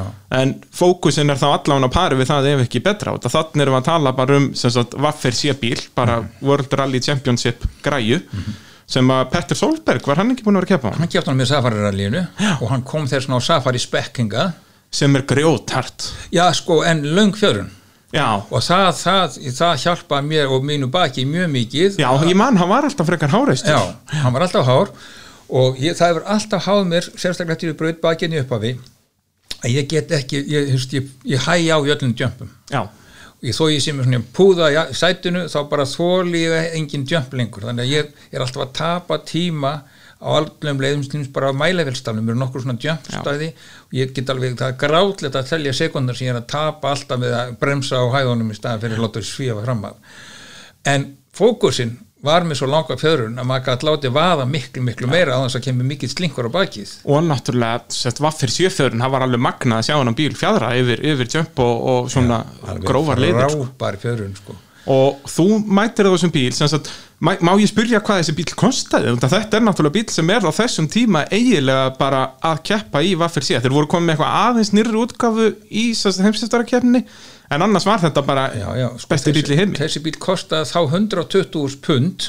Já þó ekki meira en þá náttúrulega er það helviti mikið. Ég sko, í dag er pundið er 200 kall en þetta Já. er yfir 20 miljónir já og verðbólga þú veist þetta er Já, þá já. bygglega svona 40 pluss í já, dag. já, þannig að þetta var gí, og en, svo, ég, en það breytir hins vegar ekki því eins og við höfum oft talað um síðan þá ég fekk svo bara heilan gám af varlutum með honum. Já, og þetta var einn ódýrasta útgerðin. Já þetta svona sáum sér sjálft eftir það og í þetta var líka svo stert það var sama hvað sem var bóðið að, að hérna að, að það bíl, það brotnaði það brotnaði þessu einu sinni fram öxull en það var held ég bara vegna að ég hefði kyrt á stein og sprengt á, á, á Reykjanesinu þannig að það var bara gömursprunga en ég man eftir því að það var einhvern rally í myrkri á Dómadal. Já. það var nú mitt, ég sá það. Og þetta, ég kaup hann í bíl frá Dubai og það bíla sko Dubai, heyrðu, það er bara eins og metróin held ég, ég held að metróin hefur komið frá Dubai. gott ef ekki. Það er allir bestu íslensku rallybílarnir. Við þurfum að fara að kíkja meira til Dubai Já. Dubai, heimilt, og hvað er það? Að sko, svo er náttúrulega rigning. Og ég er viss um það að þessi bíl hafi verið nokkuð margar gammal var fiskið sem var kveikt á vinnukonunum. Því að það rignir ekki mikið í Dubai. Nei, og þá voru þær hálf bílar og, og, og ekki nóg með það heldur sko ef maður létar á þá kom svona fróð inn á, inn á gluggan og ég get sagt þér það, ég man eins áttur þessu er nú til á YouTube að við erum að keira upp yfir Ísaka Kóari hjá mér. Það var stundum heilu 5-10 sekundin sem ég hafði ekki hugmyndum hvort ég var á veginum eða ég var, ég sá ekki neitt. Já og ofan að þetta þá er þetta náttúrulega sko í ljósaskiptunum á Dómadal. Já. það þú sérð sko á, á, á, í bestu aðstæðum er þetta allt svart hvað sem er, það er í rauninni ekki Akkurat. það greinist ekkert vegur þannig að vera í ljósaskiptunum Já. sér það ekkert út um framröðun þetta er ekki góð Nei, uppskrift og vinnukonuna alltaf ég letar á þá stoppuður akkurat beint fyrir framan auguna mér skilur miður í rúðunni skilur á bíl sem kostaði 20 miljónir það var þetta ekki leið nei, af öllum hlutum. Já, og þannig að ég mænti því en sko, Guð má vita sko hvað ég kerði yfir af grjóti þarna þegar ég sá aldrei hvort ég var að veirum eða ekki. En sko að því að fjörunum var svo löng og þó þú færir stórgriti þá var bara það mikil eftirgjöf eftir af dæmparunum að það það var líka erfitt að sprengja þetta. Sprengja ekki sprengja dekkin, já, og náttúrulega allt undir hún var náttúrulega svo svakalega svert að það, þú veist, spittnur og svona dót var ekkert að bogna, þetta var allt bara rótendadæmi gerir ég ráð fyrir, bara, Já, og bara var sverar en ég veit ekki hvað sko. Það kostaði ekkert að gera hann bíl út sko. Nei, ég sé mikið eftir honum sko. ég get trúa því, ég er sko reynda að sé ég eftir öllum bílunum mínu já það er svo leiðis Já, þú getur eitt ímyndaði sko, ef maður ætti metróin sem er nú auðvitað núna sko 300 úrspund yep. Og, eiga talbótinn inn í stofu talbótin, Nissan RX eh, eh, já, RS-in RS-in, já. það er náttúrulega, það, ég held að í heiminum í dag eru bara, það maður liggur við telja það á fingrum hvað eru margir svona bílar eftir sko, sem eru homologeraðir sem sagt RS-bílar, þetta voru bara smíðaðir 240 já, þannig að eða var, já, var það svo, já, það Já, voru það. smíðaðir Já. 240 svo stúta homolóringin Já, en dag, þú veist, þetta eru kannski 30 pílar sem eru eftir í mestalagi sko. þannig að eiga eitt svoleiðis út í skúr eitt talbátt hliðin á, eitt MK2 Escort hliðin á því, eitt Mm. Metro hliðin á því og eitt Focus hliðin á því. Já. það væri fínasti bílskúr. Það væri ég væri sko. sennilega alveg til að koma í kaffi. Já, það væri, maður hefði aldrei átt að selja þetta svo seldi maður þetta lágu verði. Já, það er svoleiðis. Já, ég manna metróin hann fór á 33 úrspund Já, einn já, tíunda sem sett á hann í dag. Uss bara, ekki segja þetta. En auðvita sko var algjör það þurfti, sko, hann var, það þurfti eiginlega bara sko rísjalla hann. Það var, sko, það, Já, það var já. búið að reyna að bæta með sko, Þórhalli var mjög góð og er mjög góður. Hann Já, er mjög professional en, en, en hann sagði bara sko það, þetta, þetta er komið endalókum Já. Sko, þannig að en, uh, þannig að auðvitað er þetta allt annar bíll í dag heldur en, heldur en sem ég sendi út. Já, já, já, en hann sem sagt fór í algjöra yfirhalningu hann úti hugsa hann hafi bara verið skipt um grindi og bara Já. skipt um body. Ég hugsa það, að lítið annað í stöðinni ég hugsa það. Uh, Ef við förum aftur hérna til 2004 að þú náttúrulega mætir í fyrstu keppnina fótbrotin Já. Þú ert í gifsi bara á, á hvað var það, á vinstrifætti E- e- ég var fótbrotun á vinsturfæti já. Já. Hvernig, hvernig var það? sko uh, þá var það þannig að ég er með gifsi alveg upp á hnið og mér er meinaður mér er meinaður að fæ ég ekki rásleifi að því ég er hérna og ég verið rífa kæft og það enda með það ef ég finn eitthvað lækni sem Já. getur sagt þessi lægi að keppa fótbrotin þá megi ég keppa. Og það vildi svo heppilega til fyrir þig að þú þekktir eitt lækni. Já, það vildi þannig til að ég var kvæntur lækni. Og, og hérna og eftir að búin að hótinu öllu illu að þá hérna skrifa hann undir að það væri bara allt í lagi færi ralli og strákarnir sá að þeir eru leikið illilega af sér í öryggisnefndinni. Að ég var náttúrulega á hækjum og gæti ekki stíð í Þú, löppina. þú gast ekki lappa gæti labba sko en er sko unnu þetta rall. Já, þetta er sem sagt svona sprettarall þarna sprettarall, já, í, í já. Guðvinnessinu og þar uh, Já, fleira. Glei, og hérna geirs hvað heitir það, hérna gleifavatnið og svo Geithálsin og þetta, akkurat, þetta akkurat. saman, já. Og, og þið Ísak bara steikið þetta?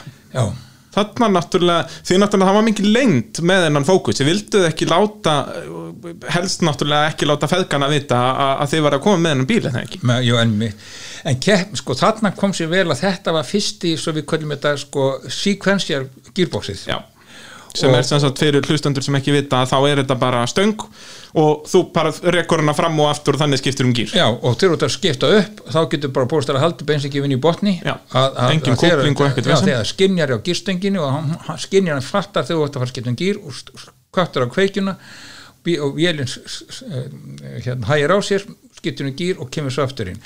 Þannig að þegar ég var komin á ferð þá skipti ekki svo miklu málu þegar ég var í fótbrotin Nei. en það var agalega erfitt sko að stíga því að var svo hún kúplingin þú getur ekki ímynda sásökan sem ég fann fyrir þegar ég var að stíga kúplingun á startlínunni. Já, það er eina skipti sem þurftir að kúpla er bara í startinu. Á startun og þá þurfti ég íta niður með að vera að telja.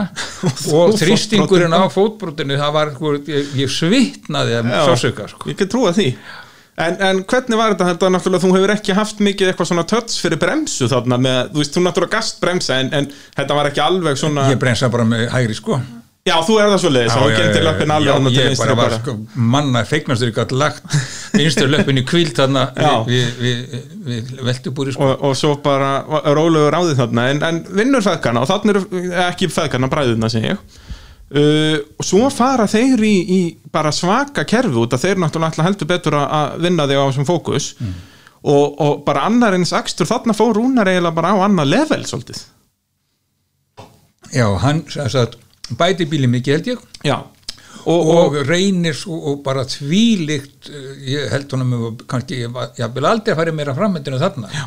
það var ótrúlega tímar því ég átti sko með þá tíma sem við vorum hann á áttu að vinna allar leiðir en hann Já, bara bætti sig mjög Ég mikið. enda bara ef maður horfir á motorsport frá þessum árum, þú veist Birgir Þór sagði það sjálfur í einum þættinum að Birgir hafði nú fylgst með rallið frá 77 og hafði aldrei nokkuð tíma séðan hann eins akstur. Nei. og það þú veist bara eins og á Reykjanes og svona, hann var bara í loftkostum leika sín, þetta var bara og síðan kemur þú þarna náttúrulega á miklum hraða en bodyið hreyfist aldrei en dekkinu er alla á fullu út af fjörunin var svo leiði sko, Já, já. og eftir kannski sekundu eftir þeim eða eitthvað, meðan að Rúnar og Baldur voru þarna bara já, í loftkostum. Já, uh, en þú vinnur sett fyrsta rallið þarna Já. og alþjóðarallið. Já, en það ekki titli? Nei, það brotnar öxull á síðastralinu já, já, og, og hann brotnaði vegna þess að ég hefði dottið út á mælafélstalum með ekki? Að því ég keira, já, ég keira á stein þar og þurfum að skipta um dekk. Það getur verið. Já, þurfum að skipta um dekk þar. Já. jú, alveg rétt. Og þá voru, hepp, þá voru þeir svo hefna þá hefur þeir farið út af aðeins fyrir ofan. Já, af þannig eru þau náttúrulega báðir alveg á limitinu bara. já. Það er rúnar, það eru mörg svona moment í ferlinum hjá rúnari sko, þar sem að, þú veist eins og ég man eitthvað tíman eftir því að, að þegar að Hjörtur fór út af Mm. að þá fór rúnar út af bara nokkurnum beigum síðar sko, og, og tapaði aðeins minna og festist ekki eða sprengdi ekki, svona hann, er, hann, hann var mjög segur í þessu sko, já, sko, eh, sko. Vera óheppin á réttum stöðum. Já, en það er kannski meirið en maður heldur sko. sjá til, ég, það var oft sagt um hvað Rúna var heppin að demparnir voru bara detti í sundur rétt við endamarki og svona. En það er kannski meiri í þessu heldur meets the eye vegna þess að reyndur maður hann byrjar kannski strax að finna skröltið hægra megin aftan, til dæmi já. og hann finnur það er eitthvað að ég ætla að hlýfa beinum beigjónum í bílum í vinstri beigum og hann tekur, hann gerur bara útreiknaða áallun hvað hann ætlar að taka út úr sem hægri afturdampara að leiðinni og svo þegar orðið lítið eftir þá náttúrulega skiptir ekki orðið máli og þá fer hann Já. Þannig að ég held að, veist, að það er allt svona sem maður oft bara sjálfur kættuleita að, að maður rétt kemst í markið. Því maður gerir, maður gerir sko, maður gerir akstursplan strax í byrjun leiðurina það er eitthvað að, hvernig ætla ég að gera það besta á stöðunni? Þetta er mjög góða punktur hendar sko, að- að að þetta er ekki þó að almennur áhórandi horfa á þetta að hvað þessi er alltaf heppinu "Vá, hvað þessi er alltaf óheppinu, það er aðeins meira það. er oft meira í því heldur en menn halda. Þetta er bara eins og ég, ég keiri yfirleitt hraðar til dæmis, í enda leiðana þess það er minni, það er minni Já, á já. tjóna að sprengja þá Akkúrat. tekur rólega á stað því það þú verður að skipta ef það springur strax og þannig að um, þetta er, já, alls konar reikningur í þessu líka og það er náttúrulega beautyið í rallið að þetta er ólíkt brautarakstur og einhverju svoleiðis að- að að þetta er svona, já, bæði sko sálfræn taktík, taktík og náttúrulega líka bara reikningur, þú veist hvað hérna heyrðu, nei, núna verðum við að slaka á þetta þessu og da da da da. Akkurat, það er einmitt að hámark. En fyrst við erum búin að nefna þó að komið sem mál ekkert við að við að nefna fyrirmyndu konunum mína doktor Já, Írinu, doktor Írinu og sprengja dekk.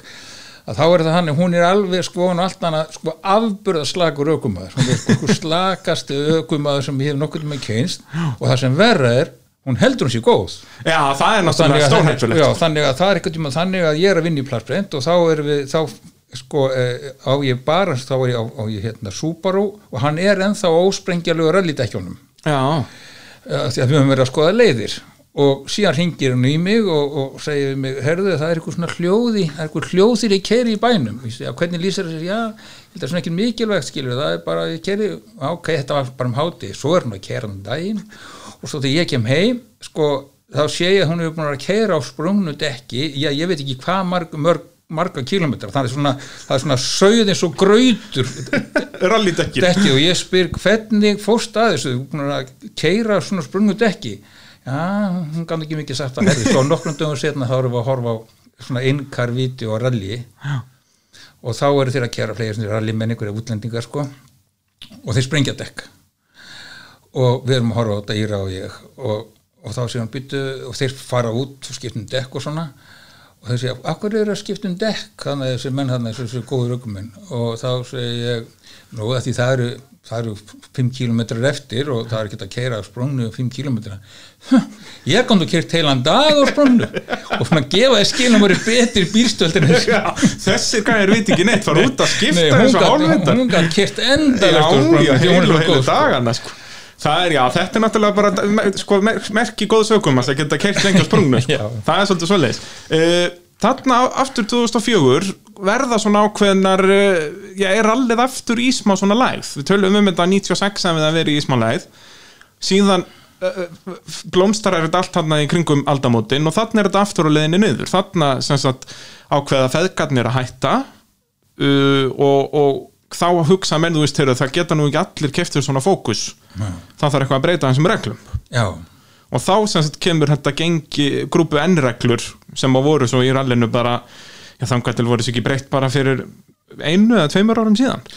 Sko í minningunina þannig að það, ég, það er þrjú, nærði þrjú ári rauð eða svo til að ég kem með bíl og hann er bannaður sko, eftir ég kem með hann. Metrón er bannaður já.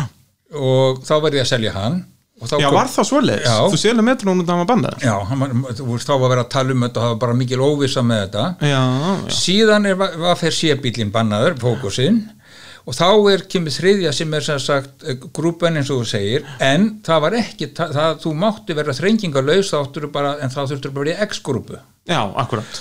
og þannig að ég fæði semst kaupina Mitsubishi sem kannski komið aftur eh, Já, sko, þú, þú byrjar náttúrulega að fá fimmun að lána það já, ég fann lána eitt sumar já, og, og þar er, eru þið Ísak bara alls ráðandi á íslenskum rallyvegum. þar, en þar var ekki mjög, þetta voru ekki ætla að gera lítið úr okkur mönnum sem voru að keppa við okkur en, en, en þetta, þarna var mikið lægð í sportinu og Já. við vorum bara að keppa við okkur 1, 2, 3 Já, það var semst Subaruun hjá hérna Gumma og hann Já. var nú ekki kannski alveg jafnvel búinn, ég veit það ekki nákvæmlega og svo Audín sem að, og, og já, þið Ísak svona áttuð nokkuð auðvelt með að- að að vinna þá Já, áttíðin alveg rétt, já, já. en, en það var nú samt ákveðið ævintýri hérna í Rally Reykjavík það árið við skulum aftur fá að hlusta á brot hérna úr, úr motorsport þáttunum frægum með bygga braga Sigurður, hvaða viðgerð er þetta með kaðli? Það datt, það fór hjörliskross og drifskapti datt niður að framann. Bara strax í byrjun á leið 2. Þannig að kera tvær síðustu leiðir á, á með, sem sagt, með þetta band uppi til að reyna að halda því uppi. Gekk svona sæmilega. Það tapar miklum tíma á Guðunisinu. Mér sýnist að tapa svona fjögur, það var, ég var mjög ánægð að ná svona 32 sekundum og svo 10, svo fóru fjögur hundru tilbaka. tapaði ekki nema 400 sekundum hann á, á, á hvað, það sem driftskaftið dettur undan bílnum með það ekki Jú, á, á þessari stuttu guðvinesleið já, og þið hengið það upp með kaðli. Bara sérst festið á í, í speglana Já. og, undir bílinn. Og undir bílinn og þurfum að keira svoleiðis uh, sérleðina, sinni Já, sérleðina þetta voru sérst tvær ferðum gufinessið Já. og, og sérst, þetta var rauninu bara gert til þess að drifskætti var ekki að dangla niður úr bílum þeir voru ennþá bara á, í hvað framdrifinu þá í setniferðinni já, og, og náttúrulega þá snuðar bara kúpling og eitthvað Já, þetta gekk, gekk lítið eins og segir, tapaðir 400 sekúndum. Já, en endar á að, að keira þau upp í fyrsta setið eftir þetta? Já. Í, Sko, ég náði betri tíma, þessi fimma var ótrúlega góðu bíl. Evol, uh, Mitsubishi Evolution 5 sko, ég, það voru veist, oft sér þetta að bera saman, en þá náði ég yfirleitt betri tímum á Evo 5 heldur um metrónum. Já, það er svoleiðis. Já. Já, ég getur reyndar alveg trúa því sko að, að út að bæði þessi bíl hendar þér betur að mér finnst. Já. og náttúrulega líka, þú veist, það er miklu betri fjöðrun og þetta hendar náttúrulega miljón sinnum betur. miklu auðveldar að kera eins og þeir segja, kona getur kert svona bíl. Já, ég segi það ekki, við viljum Nei. fleiri konur í motorsporti. Já, já, en það getur kert svona bíl og aðra bíla líka. Já, nákvæmlega, nákvæmlega sko. Það er, var ekki eitthvað sem sagði í, var ekki Danni eða eitthvað sem sagði viðtali eftir einhverja leið að já, ég kerði bara alveg eins og kettling en, en þær geta nú líka kert hratt. Þú veist, þegar hann var búin að taka 30 sekundur á öllum öðrum Uh, hérna er eru þeir semst að koma út af Kleifavatni eða eitthvað svoleiði, svona síðustu sérleiðin í, í Rally Reykjavík og búin að tryggja ykkur titilinn Þeir sigruðu á 14 sérleiðum í rallinu. Ja, velkonni í endamark á þessari síðustu sérleið. Það kann kjalla fyrir það. Þú samferður um það að rallið er búið og þið hefði sigrað. Svona umdæmil 100% já. Engin efi gagvart þessari kæru. Nei, nei, nei, nei, nei, nei, nei, ekki nokkur efi. Þarna var náttúrulega búið að vera eitthvað kærumála við sem eitthvað, hann gummi kærði út að uh, það var haldið að þau hefur gert við eitthvað á sveiði sem mátti ekki gera við en það var uh, ekki rétt. Ef ég maður rétt, þá er þetta hann einmitt um að tala um drifskáttið á það að þeir eru komið út af fyrirleginu með drifskáttið niðri Akkurat, að þá sem sagt er kíkt undir bílinn já þannig lístir þú í sín viðtalið þarna allavega. kíkt undir bílinn og þá segja þá, og við vistum ekki hvað þetta var þeir segja að við getum ábyggilega að redda þessu. Og þá sko þurftum við að íta bílum að bensinstur sem var svona í 100 metra fjarlæg Já, bara hann að hinum inn við og gatnamótinu þar var gert við það. En það var sko uh, þá höfðu eitthvað sagt og við reyndum enga viðgerð þarna á veginum Nei, nei. á veginum þarna Já, og þá líka kveikt ekki eitthvað á því í servisliðunni hjá okkur að, sest, heyrðu nei, við, það er servisbann hérna, við megum ekki gera við þetta, ítum honum yfir Já, þess vegna vittu vonum yfir, eins og við erum náttúrulega bara að laga en þarna sem við komum að leiðinni. Akkurat En, en já, við skulum halda Þetta áfram með viðtalið ég veist það sé nú bara með meiri yfirbörðum sem það var sérst, skilur, þannig að þó ég hef ekki mikið vita á þessum tjökkum og þá er ég ekki búin að pæla mikið í því, sko. Það er svo sem rétt Þið fóru rólega á þessari síðustu leið. Ó, mjög, mjög rólega. Ég, Það var mikið að grjóti. Já, hún var slæm síðan síðast og svo höfðu við, við bara gerur ráð fyrir öllinu vesta og all, allar hæði byggust að vera hestar stóð hinum megin eða stór steiti. Þetta var náttúrulega bara um að gera að klára þetta. Einn ferjuleið eftir. Já, við ítum þá bílum með það sem það þarf sko, en þetta er náttúrulega gífilega stór dagur fyrir Ísak og mig. Eh, Þetta er náttúrulega ekki bara sem að vinna rallið, við erum búin að tryggja okkur Íslandsmeistara titilin á þessari síðustu leið og það er mjög gott því ég því á síðustu kílómetrum 1998 held ég að verið. Eh, og ég man svo verið eftir því þegar ég því þá að þá held ég að það myndir svona líða frá að því mér leið mjög illa með því. En núna sjö árum setna líður náttúrulega jafn illa út af því þannig að þetta var mjög kærkomið. Það er svolítið svoleiðis, þú, þú hugsaðir alltaf um þetta 98 tímabil hann svona in the back of your head. Sko það er svolítið merkið þegar maður er búin að vera í kempinsýþrótum og þetta á ekki bara við mig held ég, ég held að ég hef heyrt aðra að segja þetta sama að það er nú, það galli við það sem maður tekur með sér í ellina í minningunum, maður man eftir vombriðunum en ekki til sérunum Já, það maður tekur með sér vombriðin Já það er, spurði bara Carlos Sainz það er, hann mun alltaf mun eftir því í, í var ekki Breskarallinu 98 frekar 99 Já. þegar hann Louis Moya kastar hjálmennum svona eins og mjög frektur orðið í gegnum afturúðun á tójóðinni það sést sprakk vélinn bara og þá voru 100 metrar í mark sko. Já, og, og Sainz segir alltaf sko að hann lærði allra mest á þessu mómenti af öllum mómentunum á ferlinum sko. Já, en það er synd að maður skuli ekki, að mannskeppna skuli vera þannig að, að maður skuli ekki taka um sér gleðistundunar af þessu í dag vega þær í mínu minningu miklu, miklu þingri sko vambriði Ég, ég, er alveg, er alveg sammálaðir þarna og ég held að flestir séu svona sem er alveg synd og Já, að maður get synd. ekki munað sko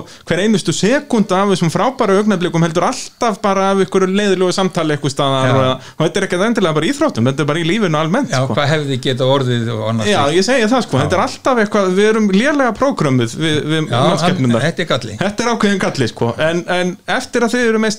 hérna, var náttúrulega eitthvað fyrsti titill eða þinn fyrsti titill yfir heildina. Já, uh, búin að vera meistari þarna 96 náttúrulega í indriðsfloknum svo 2006 að þá strax eru þessar reglubreitingar byrjar að hafa góð áhrif á ralli, þá er þetta farið að blómstra. Og þú kaupir þá, já, svo til nýjan bíl eða ekki, hennan Evolution 7 þá kaupi hann í bíl sem ég á ennþá í dag sko, og þá eins og við vorum að koma að aðan þá var, einmitt, komna þessar reglubreitingar sem voru ágættar, sem var grúpu N. Já, algjörlega. Og, það, og þá hefði ekkit verið gaman að vinna titilin hvorki á fókus nýja metur, og það, veist, það hefði verið bara þá hefði bara mengið að sagt að maður hefði keft sér titilin, skilur við Já, og bara það er ekkit gaman Nei, nei, ekkert í, gaman. í keppni, sko. Einmitt og hvað er það, en við það sem við gerðum eins var það að, það, að þá var grúpu N já, en það var, ég maður gatt haft að sko grúpu X uh, og þá máttum að þurftum ekki hafa sko hérna þrengingu. Og þannig að við fáum mann til að mappan miða við það.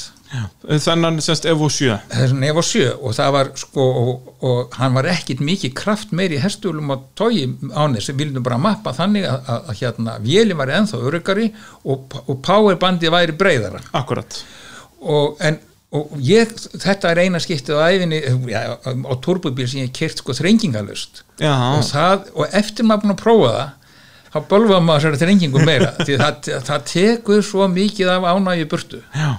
Þú, þú það er bara svona þetta er eins og að syngja í gegnum hangklæði skil, þetta er svona þetta er sko, það vantar kraftin uppi það vantar, sko, það vantar það vantar svo margt. Já, og ég man það einhvern tíma þegar ég var horfðum glugga hjá mér þá átti ég man ég, átti ég Jaguarinn eh, Landcruiser sem fluttur á Ameríku og man ekki hvað þeirri bílinn og sport, rallybílinn það var langkraft minnsti bílinn á planinu. Á planinu, þetta er náttúrulega færlegt sko það er að að maður fór út í búið að koma mjólk á miklu kraft meiri bílum heldur en þegar maður fór í rally Já, og þess vegna fannst mér mjög gott að hafa dag sem svo var það bannað daginn eftir þannig að við veitum hvað mannin ekki daginn eftir árið eftir. Árið eftir og, og, Þess að 2006, að þá mátti vera þrengingalös Var það svoleiðis?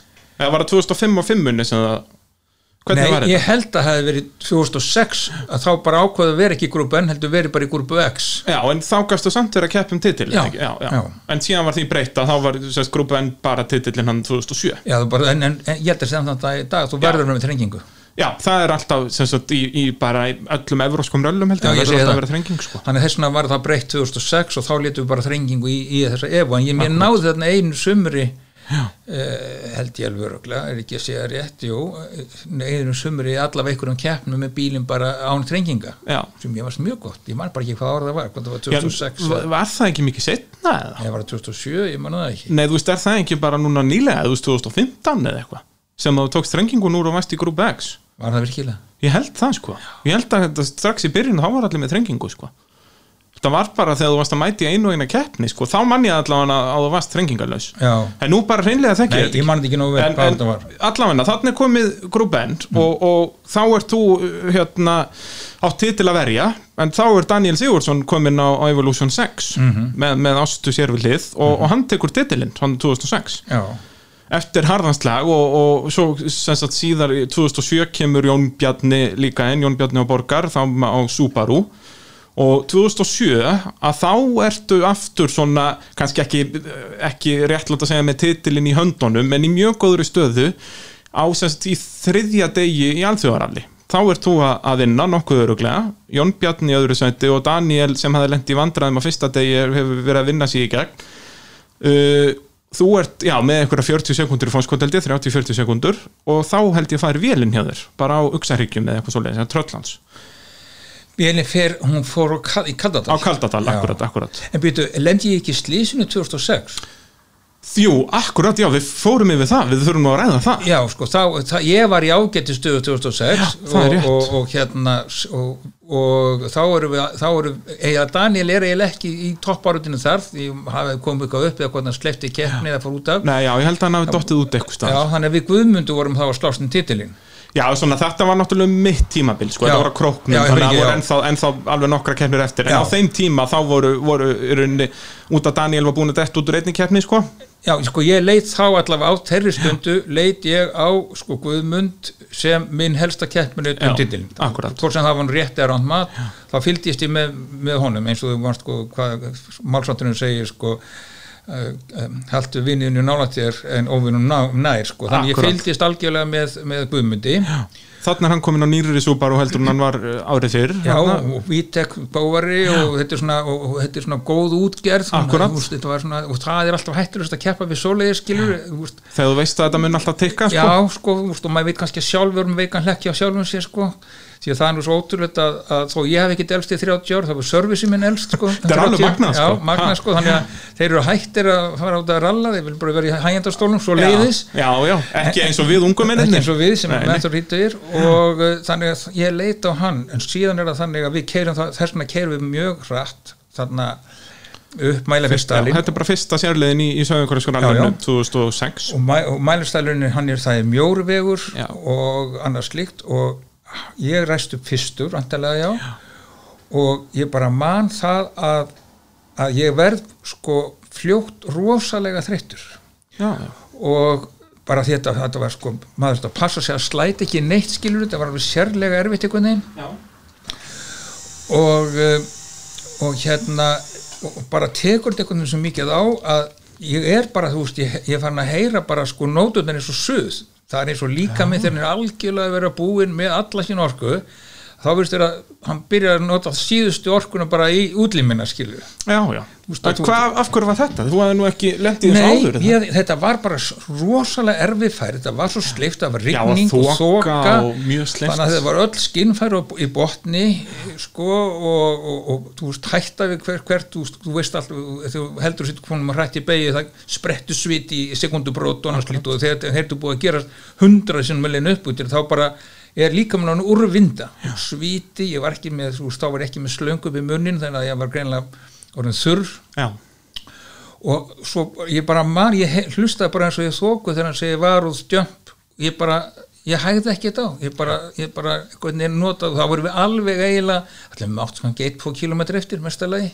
já minna, sko, jumpið er bara Jú, kannski næri þetta kilometr já, kannski kilometri sko. Og, og í rauninni það versta sem þú gerir kannski er að þú vissulega hægir á þér bara þegar það er metir í stökkið. Þannig að þú ferði yfir stökkið á bremsunni Já. þess vegna neflendur í bílnum svona svakalega. Jú, en það bjarga manni.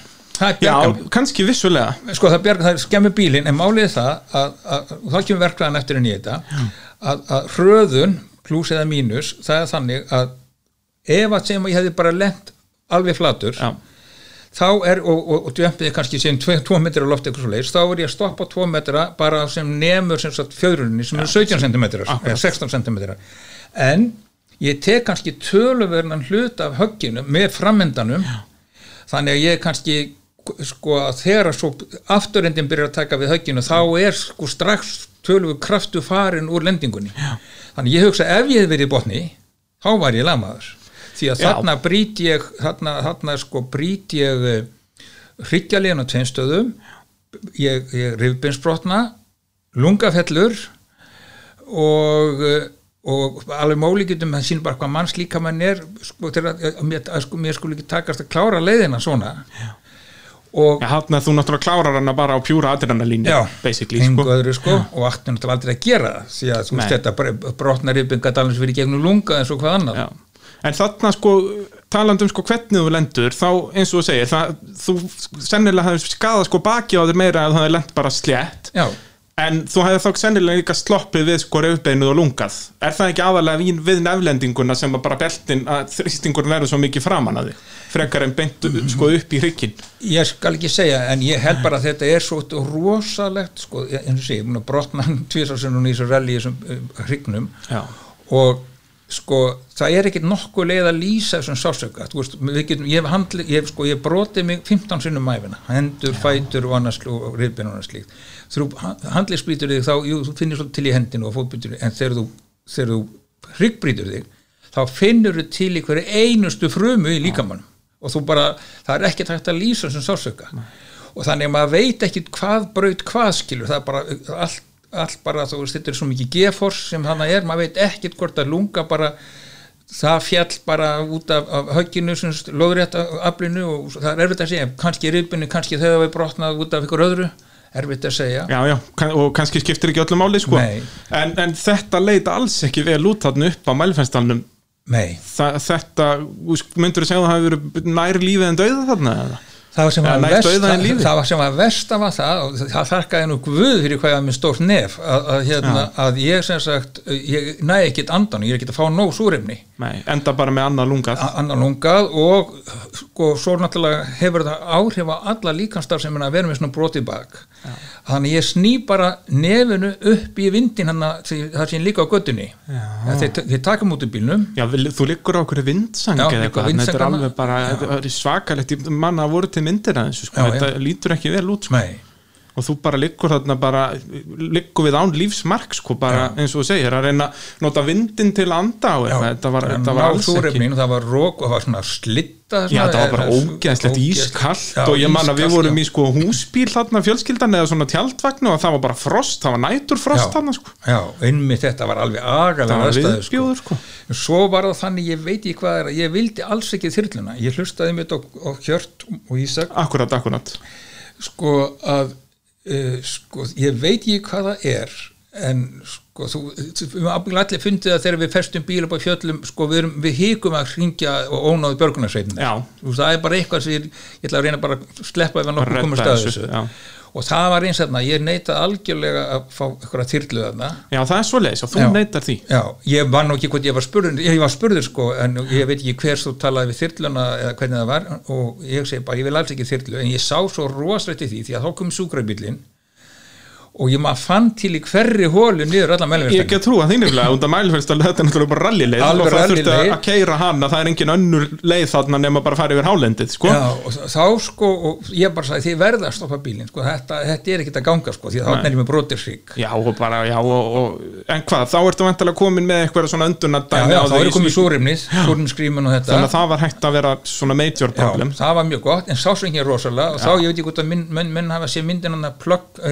Pulp Fiction Já.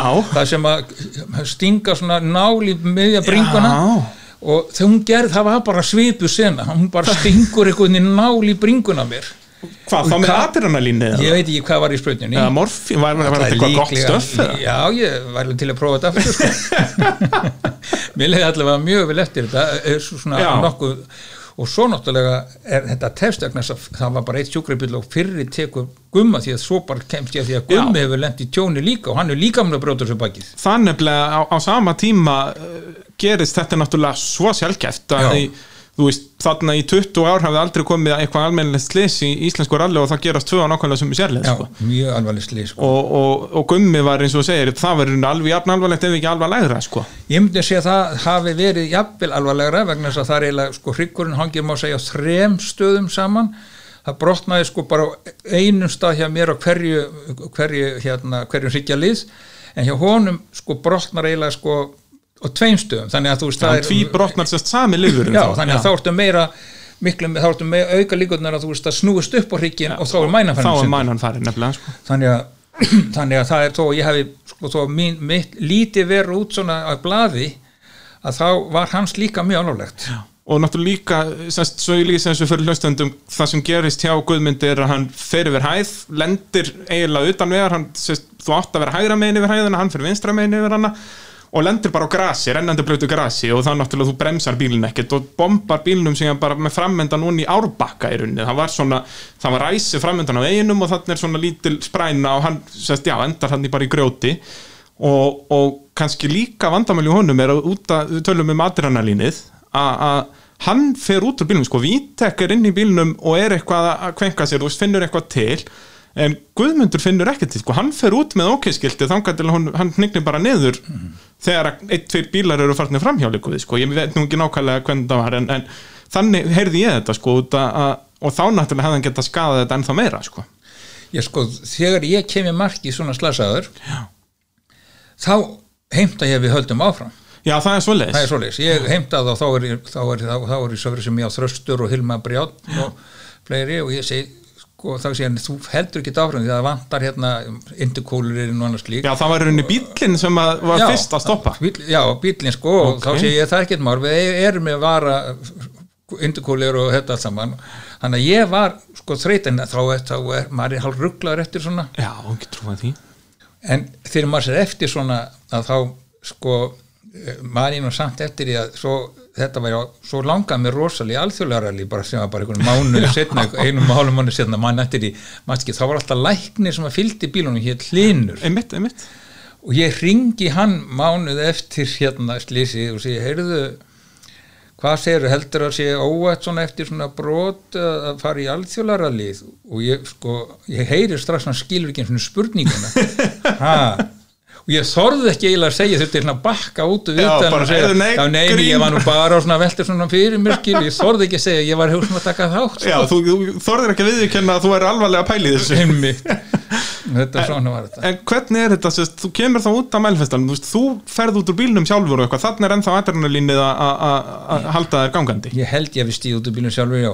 En það eftir svona högg þá er minnið sko, ég man bara ég náði ekki, náði ekki nógu súrum, ég var að kapna Já, maður heyri það líka innan úr bílnum, sko, að þú ert Já. þetta er alveg mjög þægilegt að hlusta á svona Já, úr annari mennesku, sko, þetta er alveg, alveg ferlegt, sko. Og það er ekkit margt verra ógælega heldur en að ná ekki anda Ég segi það, að vera kapnað í súrefni, eða sem sagt að þó að það séu aðeinslega rastæður en þú getur ekki andað. Já. þetta er alveg, hann gísli gíða lendi í þessu torfærukall núna eh, nýlega.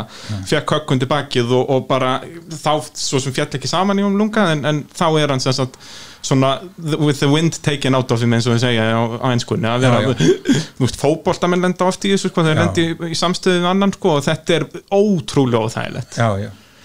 en ég átti svo í þessu vegna þess að síðan síðan grærlungað og svo bara mörgum mánuðum setna að þá er náttúrulega eru beinin meira og minna gróin og svona og ég, sko, eini skaðin sem ég byrju þessu hing, núna það er það að ég á mjög rétt með verið koktelbóðum og stað alltaf veldavélina ég get ekki staðinu maður ákvæðan fjölda mín. Ef ég fer eitthvað til mis ef, ef, ef, ef stráknir að gera við þá vil ég alltaf hafa stól. Já, það er sem- það sem verra er sko er að það kemur svona skilur það er bara allt í bara- get ég að fá sæti. Ok, en það sem gerist líka var það að svo hefur greinlega lunga sem var blásið í sko að það hefur greinlega ekki verið nóg vel gert. Þannig að það fellur aftur einhverjum nokkurum mánuðum setna já, ég nefnilega eh, þessi saga er svolítið áhugaverð, ég manna að hafa heyrt þetta einhvern tímann hjá þér. Já, einmitt og þá sem sagt og ég, og ég er að tala við vinn minn Antoni í, Nóri og ég finn bara að ég kom með öll engin í hjarta áfalls það er hægri, hægri hendin komin að verka hægri hendin og þá er lunga dottið á hana hjartað og eh, hversu, þú mannslíka minn eins magnaður og hann er, þá er þetta svolítið skrítið líka, sko. Já, og, og, og doktor konan, konan mín, hún sem sagt segir að fólk er allt vola hrætt við hjarta en lungur séu svona, svona, svona, hún segir þetta er eitt unit, þetta Já. er eitt að virka Þú skalt sko umgangast lungu en alveg eins og umgengst hjarta þetta, ef eitthvað þessum þremur klikkar, vinstra hægra lunga, þá ertu hvað sem er döður. En hvað er það að síðan fyrir á spítala og ég er skorin upp og, og lungafest. Og svo lík, líki nokkra daga og það byrjar aftur að leggja lungað. Og hver, leik, hver lendir í þessu? Að já, já, lungaði bara að fara að leka. leka. Og síðan, síðan skilur þá var hann, hvorki meirinni minn sem sá um var hann Tómas, hérna frægi frægi, Já, frægi hinn eini sanni. hinn eini sanni, sko. Tómas Hann- læknir. já, já, hann var svo dögulegur, hann var að koma tíma stundum á sunnudugum og tekka út að læki lungað og jú, það lag, hvað er að fara aftur um upp, sko, skilur hvað þú talar um að leka lunga þá var það detta frá sínum stað í já, hann var þetta þetta svona veginn stað og líklega kom gata á þeir leiðinu og svona já, eitthvað bara svona eins, eins og gerist. Já, svo, svo held ég annar eða þriðju tilhörna þá segir núna held ég við náðu þessu. Ég held að við já við, semst, við, við notuðum sandpapir á lungað og sandpapir á innri veggina og, og síðan fengum við okkur talkomlím og límdum þetta allan saman og ég spyr, byrju, hvar fenguðu þessi lækningtæki fenguðu þið fóruð í húsasmiðina það fengur smá trélím bara Já, og trélím og sandpapir og annars lískilur en það, 7.9.13, það hangir ennþá. Það hangir ennþá og góða hann, líminu. Já, hann segir mig það, Tómas hann veðjar, veðja við mig það verið frekar hægra sér fyrir næst heldur um vinstra Já, það er svo Þannig að, já, þetta er, þetta er frekar spes hvernig sko læknavísindin geta verið mjög þróuð og, en síðan er þetta bara sambapýrun og, og trélímið Já, sko. Það, það þarf ekkert að flagja þetta. En þú mættir svo bara hress og kátur 2007 í, í, og ert komin í, í hörkuslagum um titil við, við Daniel og, og Jón Bjarnar kannski aðalega Daniel. Hmm. Þarna sést Jón Bjarni, ég held að þetta er fyrsta árið hans á, á turbo forvildrækbíl og í alþjóðarallinu eins og ég segi þá lendi Daniel í vandræðum fyrsta daginn. Þannig að, þetta er þú og Jón Bjarni sem er að, berjast um, um sigurinn þarna á öðrum degi. E, e, hvað árið er þetta séð? þetta er 2007 Já, 2007 og, og þannig er þú að koma út af heklunni og þetta er mjög skemmtilegt viðtal sem að Birgir Þór tekur við hérna eftir hekluna. Við skulum heyra hvað þú hefur að segja Sigur Bræði, þú ert að tapa fjórum á Jón Bjarnar. Ungur nemur, gamal temur. Eh, Þeir sögðust að hafa farið út af eitthvað slíkt hjá ykkur. Var allir út á þessari leið, það er bara spurning hvað tapum á því. Við náttúrulega vorum aðeins mikið í kantunum og þegar þú varst á 140, 50, 60 og slikki kant á dettur hraðan algjörlega niður og svo er sandu út lengur að ná þér upp, sko, þannig að það er hættulegt að stundum betra að fara hægar. Mjög kræfjandi leið. Mjög kræfindi reynir mikið á mann, eins gott maður ungur. Eins og að það maður ungur en þetta var sem sagt bull þarna ert þú ekki að, að tapa hvað var það, fjórar, fimm sekundur heldur að græða 50 og eitthvað Já, sekundur 50 sko. sekundur, já. að, þá hefur þú tekið auka mínútu eða eitthvað þarna og rugglaðir meira að segja bygga þarna í, í, í rímunu sko. en, en bökkum aðeins uh, vann ég ekki svo árið eftir þetta rally sem ég slasaðist á 2000, á mælverstanum Jú, sérst 2007, Já. þú, þú vinnur krókin 2007 Já, árið eftir, Já. að, að ég mati því að þú veist að eh, mann ekki hvað hann heitir hún sagði læknunum að, að sá sem að hann hefði sko, sendt um sjúkraflugvel 12 mánum áður hann hefði unni rallið og læknunni sko, það láði að myndi signa sér skilur hvers konar brjálæðingar þetta væri sko.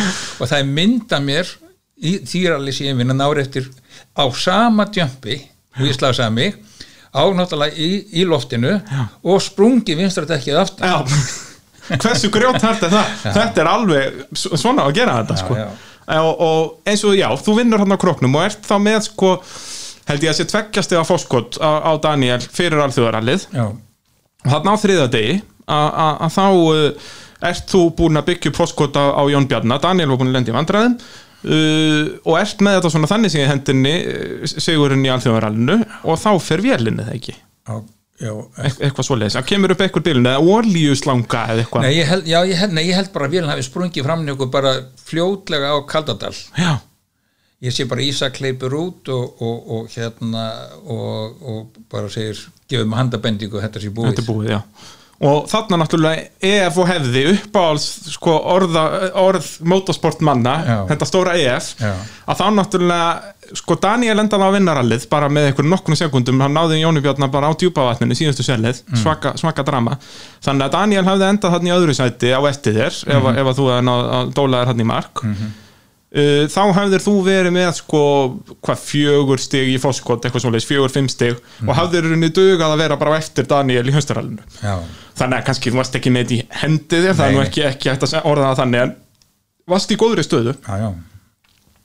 svo kemur 2008 og það var já var það ekki bara eitthvað magnaðast ári í íslenski rallsögu Ekki spurning finnst mér, þetta er svolítið hlutræður, en þarna voru... já samt sko þó ég mig aðeins grípa fram í fyrir þér að, að þú segist vera hlutræður þú hefur keft í ralli frá 85 sko. Já. þannig en vissulega hlutræður út af þú enda er sem mestari sko. En, en þú hefur séð flórurna svolítið sko. Sko það er ekki spurning á sem 35 ára ferli að ef ég átti að velja eitt ár til að vera Íslandsmeistari, Já. þá hefði verið þetta ár. já, Því að þarna eru tíu nákvæmlega, meirum en nákvæmlega einsbílar Já.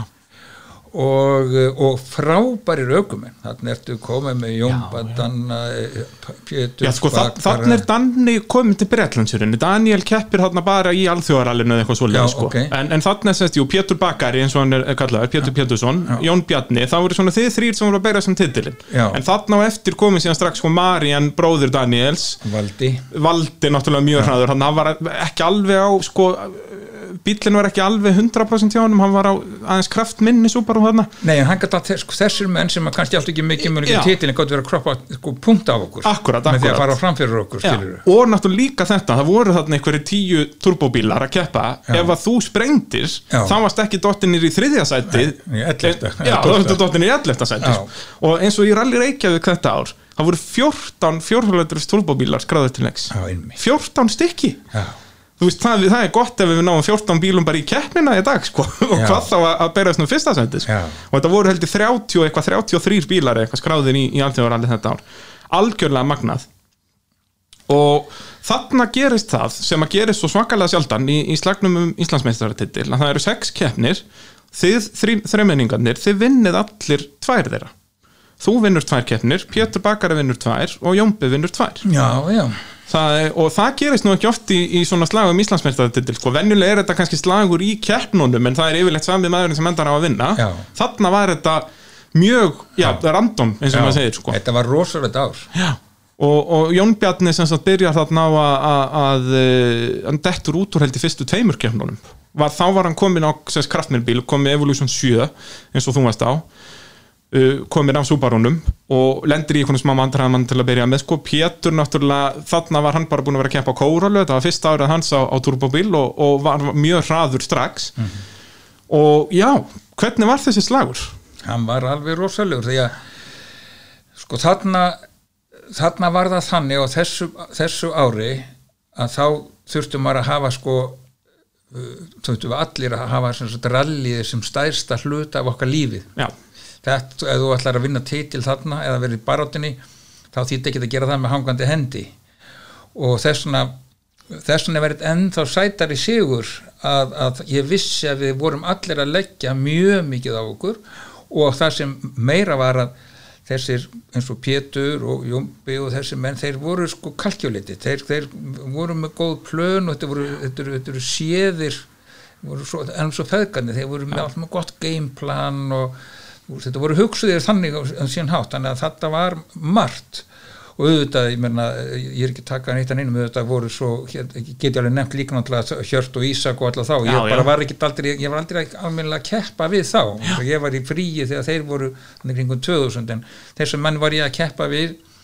Og þannig þetta var bara alveg frábæri félagskapur og það sem var kannski einna bestiðan í minningunni það var engin tókstrita það var, það, það var rosalega góðu mórall Já. Enda þarna er svona að koma ný kynnslóðinn sko. Að þá er það yfirleitt einhvern veginn svoleiði sko. það, það tekur alltaf svona 10-15 ár fyrir alla að vera pyrraðar á öllum Já, Hérna, eins og við sjáum svolítið í rallinu í dag að núna er þetta aftur orðið svona mjög mikið allir, allir glaðir og sáttir sko, við erum að fá svona nýja kynnslóðinn sko. Bæði í, í bara stjórnun klubbana og, og keppendundar sjálfa sko. já, já. en þetta, þessi sigur sko ég ætla að bókstala til, sko, tilhenga þessum sigri sko fólki í kringum Ísaki, Þresti hérna Hilmari, Brjáni. Þetta var sko þessi, ég man það bara sem dæmi að fyrir eina keppnum sem ég man ekki hver var þarna, í, þá fór velin kvöldið fyrir Já. keppni. Var það ekki fyrir Snæfellsnesið, ég held það já, allir það ekki bara þá er þetta bara kvöldið mitt fyrir Já. þá er allir á miljóni bílnum hjá þér já, nema ég náttúrulega nema þú náttúrulega, Já, þú já. þá veistu ekki hvernig skiptir líka snýr og þannig að þeir setja velina saman um miðnætti og kveiki á og láta bílinn ganga bræðir úr sér Já. það þarf að rífa allt í sundur aftur og búið til nýja vel og það var búið mann ekki hvað áttum morgun eða nýjum morgun eða hvernig það var þannig að þú og farið í sér keppni. skiluru maður getur alltaf sagt ef og þegar þarna var sko bara, þarna getur við snúið svo við og sagt sko ef að þetta hefði ekki sigrast þá hefði ég ekki unni titilin Já. þannig að þetta gengur yfir til báðar það er eins eins og í Kína sko yin and yang, þú ert með lífið þá ertu alveg átt heppinuð og dóöpinn sko þetta verður alltaf sko. verið í jafnvægi sko.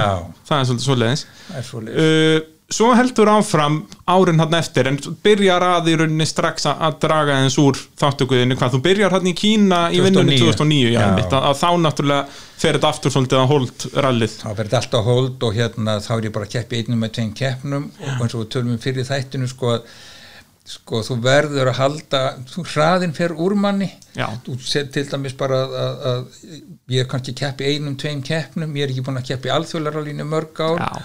Og, veist, og, og það er bara stór hættulegt eins og morðið komast að, að, að, að vera svona lengi fjárverandi en ég var samt, ég tók þátt í einni keppni, má segja í já, við kannski getum talað um það setna en 2009 er þetta á dettur eða botnin úr sig hjá mér. Þá, þá er bara rallyið bara, hvað að segja 5% af mínu lífi eitthvað svo Já, þú svona kemur í einu þeirna keppni sko, Já. og ekki beint þægilegt að skreppa til Íslands frá Kína. Nei. það er ekki alveg svona bara að skreppa til Selfossar sko. sko, það, er svo, svo gigantísk óreglaði, þú veist það er, það er 8 tíma mismunur. Já, já, og líka, já, og, og náttúrulega þú ert að ferðast í 20 klukkutíma eða eitthvað, 20 klíktíma, ma- sko, þú ert að vakna fjóra nóttun og glór hungra því það er að hátegismatur sko, skilur og, og síðan áttu að fara að keppa í og þetta er náttúrulega mjög óvendugt Já.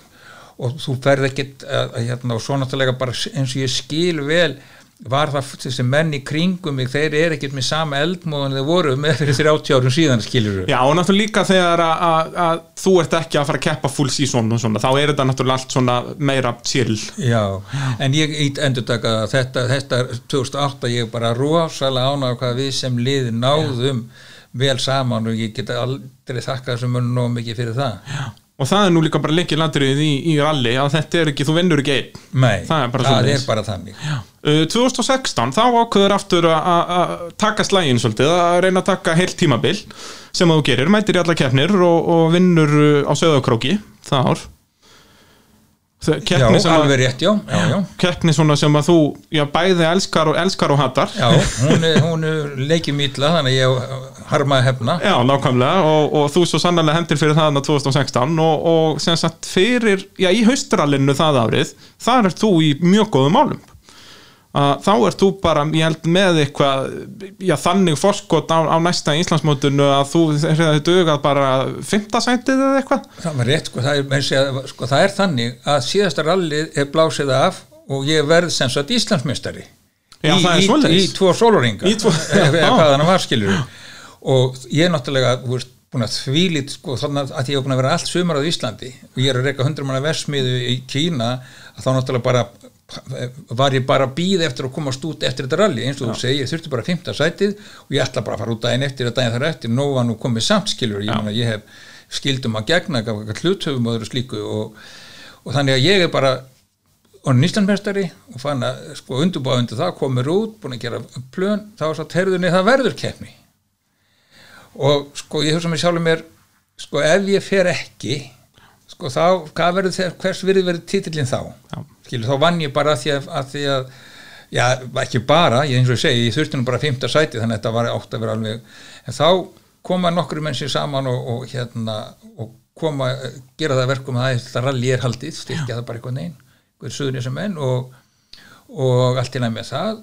Og síðan gengur bara alltaf á óskum en svo bara á næst síðustu leið í síðasta rallíinu að þá kalladælunum hraður og ég eftir öll þessa ár þá, fyr, þá byrjar maður að þekkja bíla. Og það er það ef að dreifskátt byrjar að losna það kemur sérstaklega hljóð, það kemur svona ég kalla stundum áti hljóð, það kemur svona vind það er erfitt að lýsa því sko. Þannig ég segi við servicin dreifskátt er að losna. En það er með það sko, þeir vita ég hef ekki hundsvita bíli þannig að ef ég segi þeim að herða eitthvað þá get ég verið alveg vissum að það er það eina sem herða ekki skilur því að það getur bara ekki verið að vera rétt fyrir mig Nei, nákvæmlega. þannig ef ég sagt við þeim sko herðið þið baksínu speilin þá hefur ég orðið íslumestari en að því ég sagði herðið þið afhverju Þarna, herðið drifskaftið. drifskattið og þá var það náttúrulega ekki hert og dætt svo bara af nokkur undir metrum sinna Já, og þannig tapar að tilli hann tapaði titli.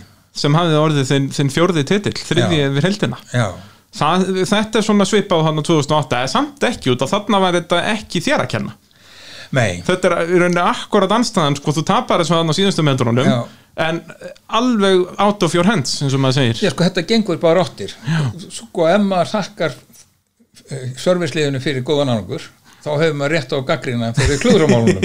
Nákvæmlega. Alveg eins og með ökumann og allara í lífinu Já, skilur. og eins og sko, aðstofarmennindir geta gert við ökumannin sko, þeir geta hrósað honum og sagt honum, heyrðu, þetta er allt þér að kenna. Já, já, akkurat, þannig að þetta var náttúrulega alveg sko ótrúlega svekkjandi. Já, en sko uh, þetta er bara uh, sem betur fer að þá sem sagt uh, sko það munir núna í dag og í gamla daga er sá, er, svona segja 2008 og 2016 og þá var þetta rosalega stór partur af lífinu Já. mér finnst rosalega pluss núna að þú veist, ef það er ætt að móta ykkur staðin þá bara sleppi ég rallíinu já, já þetta, er ekki, þetta er ekki Já, lífið sko. það er ókostinu við rally og það er stór ókostun smiða við það á golfið það er það að þú ferð bara að spila golf þegar, þér hendar Já.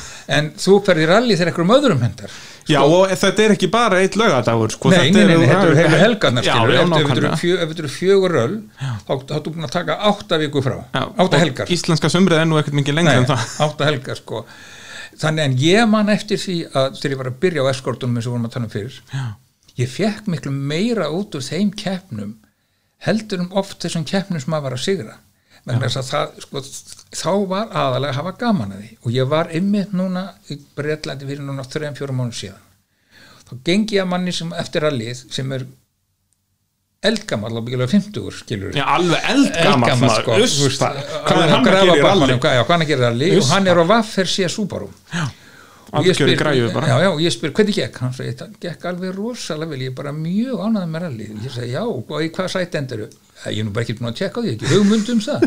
Mér fannst það svo flott. Já, gekk Og þetta- ótrúlega það vel gekk sko. ótrúlega vel, það var bara rosalega gaman.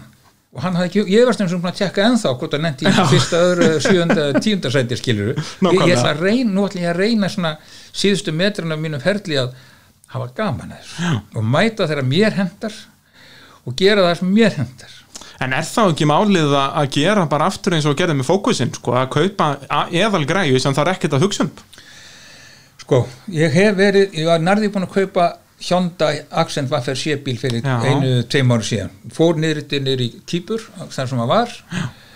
Og uh, og það var eiginlega allt frá gengi, kaup var annað slíkt. Og svo þegar að verið að flytja bíluna inn að þá er ekki samþykkt til pappirarnir það er, ekki, það, það ekki samþykkt hérna Ágúst sá nú um þetta fyrir mig Ágúst sem er liðin hjá mér, Ágúst. Guðmundsson og bílunist, hann hérna og fyrir vendu formaða jú, eh, hann segir þess að þetta sé ekki nú gott hvort það var bara afsalað hvað það var, þá var þetta hefði verið það sem ég gíska á gert er það þetta hefði verið bíl sem að hann sá bíl hefði reyndi slísu, oltið og drepi bladamann og ég held sem sagt að, að bíl hann verið afskráður og síðan hefði einhverju raða saman aftur einhvern veginn saman, það var mikið af varlutum mönum mann að skilur, en pappirinu voru bara ekki til lægi fyrir, e, sko, að því að sko, norður kýpur er sko Tyrkland. Já, það er það bara Þannig að- pólitík í þessu líka. já, þetta er svona passa ekki alveg uh, og þannig það dættu fyrir. Já.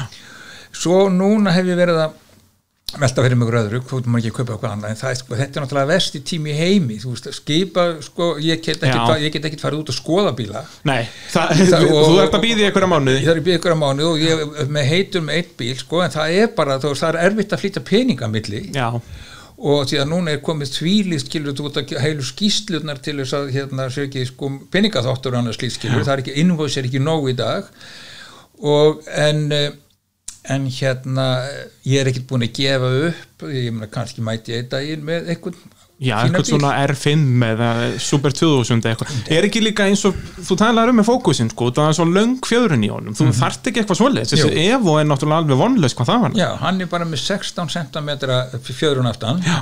og þá þarf að ve- velja hvað ætlar að hafa mikið í samsláttin og, sundursláttin. Og þú hefur bara 16 þannig að ok, og til miðin og hefur bara 8 cm saman. Já, þeim er ekki neitt. Sem er ekki neitt í jumpum sko. þannig að til dæmis ef og tíu bíl sem ég hef langað í hann er yfir 20 cm, þú græði 4-5 cm en þú getur líka bætt þeim flestum við í samslættinum Já, já, en samt sko eins og bara svona R5 bíl, er það ekki, þú veist, það er, er það ekki 40-50 cm? þeir eru allavega 30 cm Þá erum við að dansa sko. jú, en það er bara sko gigantir fjárfesting Já, en bara eins og Danni gerði, hann kefti svona Super 2000 bíl, svona gamlan skota Já, að þeir, eru þeir ekki svona tiltölu úreldir erlendis núna út af þessum R5 bílum? jú, en þú sá bíl sko myndi ekki kannski henda mér andilega vegna þess að þú þarf að vera með þann bíla í syngjandi spani. Já, það er enda rétt og Danni er ekki með turbínu hann er ekki með turbínu, hann er ekki með tóg ég, mér finnst, ég er búin að æfa með allir þessi ár sko, turbínu og tógum út úr beigjum og slíku, þannig ég þyrfti að, læra á nýtt Akkúrat, og það er nú erfitt að kenna ungu manni að Já, sitja. svona kottnungu manni sko. Já. það er svolítið svoleiðis. Uh, Þá svona eiginlega svona síðasta pælingin í þessum þætti, við erum svona búin að fara yfir ferilinn nokkuð vel og, Já. og, og, hvað fremtíðin byrði skautið sér. Já, uh, út af ég get ekki hugsað um neitt betri mann til að spurja þessari spurningu heldur en þig Já. eftir að hafa keft í öll þessi ár. Að hver, og þú mátt ekki segja uh, þú sjálfur, því miður hver er besti íslenski rallökumæðurinn því að ef við förum yfir þetta sko, mennitin sem þú hefur keft við á jafnbreytis grundvelli eru svona af þessum stóru nöfnum Stengrimur Ingason Ásker Sigurðsson, Rúnar Jónsson, Daniel Sigurðsson og Jón Bjarni Hrólfsson. Myndi ég svona segja að væru allan að mínu mati e- eiga fullan rétt á að vera, vera í þessari pælingu. Svona ef við förum yfir þetta, byrjum á Stengrimi hann var náttúrulega magnaður aukumæður og við gætum líklega bætt hirti við það líka. Já, reyndar. Það, það var bara einhvern veginn það var bara einhvern veginn ólán yfir þeim. Það var ekki Já. vant eitthvað aukum en það var bara, það bara gekk ekki upp. Þó að hann hafi ekki sko haft sko sigranna og allt þetta Nei, en, það- en það það, var vantaði bara- ekki hraðan, það er nei, alveg nei, rétt. það var bara eitthvað annað sem hann var vantaði. alveg magnaður aukumæður en hvað sér, hverjum að ég var að byrja á sigurum Stengur mér ynga, byrjum, byrjum bara þar. Að- að þú náttúrulega ert að hann hérna, þú í kringum 90 já, en hann er svona eins og, eins og hjörtur sko, hann var alltaf einhvern veginn eh, á röngum tíma á röngum stað eða, eða hvernig sem var orðið það. Að hann vann ekki marga keppnir og ekki marga titla. Nei, en sko sko þegar maður er að dæma góðan aukumann það er svo margt sem að maður getur tekið til, þú getur fengið aukumann sem er rosalega hraður en klárar eiginlega aldrei. Já, Svo getur þetta ekki ökumann sem að er svo heppin að vera með mjög gott liði kringu sig, allt sem að gert á tíma og ekkit stress, það er, það er líka mjög gott. Svo getur við með mann sem að hefur vit á því að keira eftir aðstæðum og klára alltaf, þú veist, hann er ekki best í brittspilanu sem sér alltaf sjö grönd, skilur, hann viðstum frábært þegar að vinna þau, en, en það, það Ah, gengur ekki, nei, nei. stundum verður bara að segja eitt lauf og spila það vegna þess að þú ert ekki betri spil. Og þannig að það er svona aukumar sem ég hef reynd að líkjast. Það er það sem að geri það best á spilunum sínum og ef þú ert ekki með bestu spilin og þá bara því er ekki að svekja sig yfir því þú Nei, bara, það bara nærði þeim mestur sem getur. Þannig að Stengum var afbörð aukumadur en hann var náttúrulega svolítið mistakkur, kannski aðalega svona til að byrja með. Já sko ég, hann var sko, hann kerði aðeins og hratt hann kerði aðeins og hratt svona og svo bara svona hvað við segja eh, hann hefði kannski átt að hafa eitthvað svona frangandastjóra yfir sig. Hann, hann, hann, var að koma, hann var að koma sifjaður í rally og þreyttur, hann var að klára bílun í síðustu stundu. Í topparóttinni þá bara skiptir ekki hvað góður aukumæður Þetta er enda mjög góða punktur að, að hann var náttúrulega liðstjórinn í liðinu sínu sjálfur sko, og, Já. og var náttúrulega að smíða þessa bíla og gera og græja já. ef hann hefði haft eitthvað svona heila fyrir ofan sig Já, og málið það sko að það er bara, það er bara eins og í lífinni heilsinni skilur, þú ert ekki dæmdur hvað góður í besta heldur hvað slæmur í því versta Já, já. sko, þú veist, þó að Hitler hafi verið badgóður þá er ekki talað vel um að samskilur Nei, svo sannarlega ekki þannig að þú veist að þetta, þetta skiptir mál hvað er stæðst í galliðin stór já. Þetta er svona uh, þetta er svona eins og þegar við eldumst. Þegar, við erum Ekki- ungir ekki að þú þekkir það. ekki því að þekkja það, en nema þegar við heyrt erum- þetta. þegar þegar við erum unglingar þá verðum við skotnir í stelpu bara um fallit hár. Já. en þegar við erum gamlir þá segjum get ég búið við Já. Skilur, er hann, það, það, snýst algjörlega við. Akkurat, akkurat. Og þannig hef ég dæmt sko ralljökumunina, hvað hvað slæmur er mest ókostur Hver er arkilesar hællin í Já. Já Uh, þannig að já, Stengrimur svona hafði það.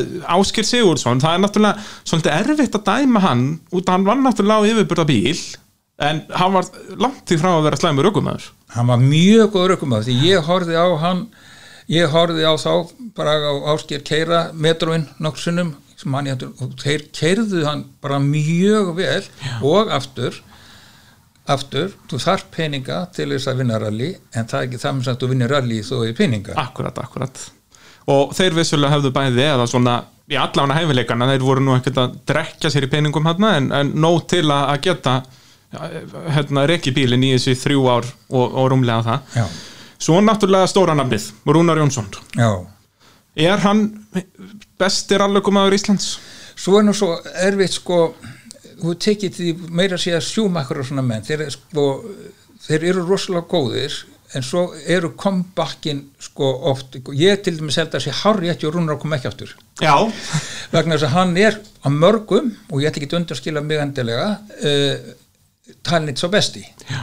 Já, það er náttúrulega bara út af rekordinu já, náttúrulega, rekordinu. Sko. og, og takt þetta því að það eru nokkuð mörg ár sem ég er restunum með tvö eftir honum. Jep. þannig að hvar hef ég lært mína línur sko? Ég hef lært mikið af honum uh, stundum ég verið sko annar skoðunar en hann með sína línur skilur hann var meira flamboyant svona. Hann var svona meiri svona afturdrifsökumaður sko. já, hann, hann, hann, hann nætti meiri tíma í hliðaskrið heldur ég.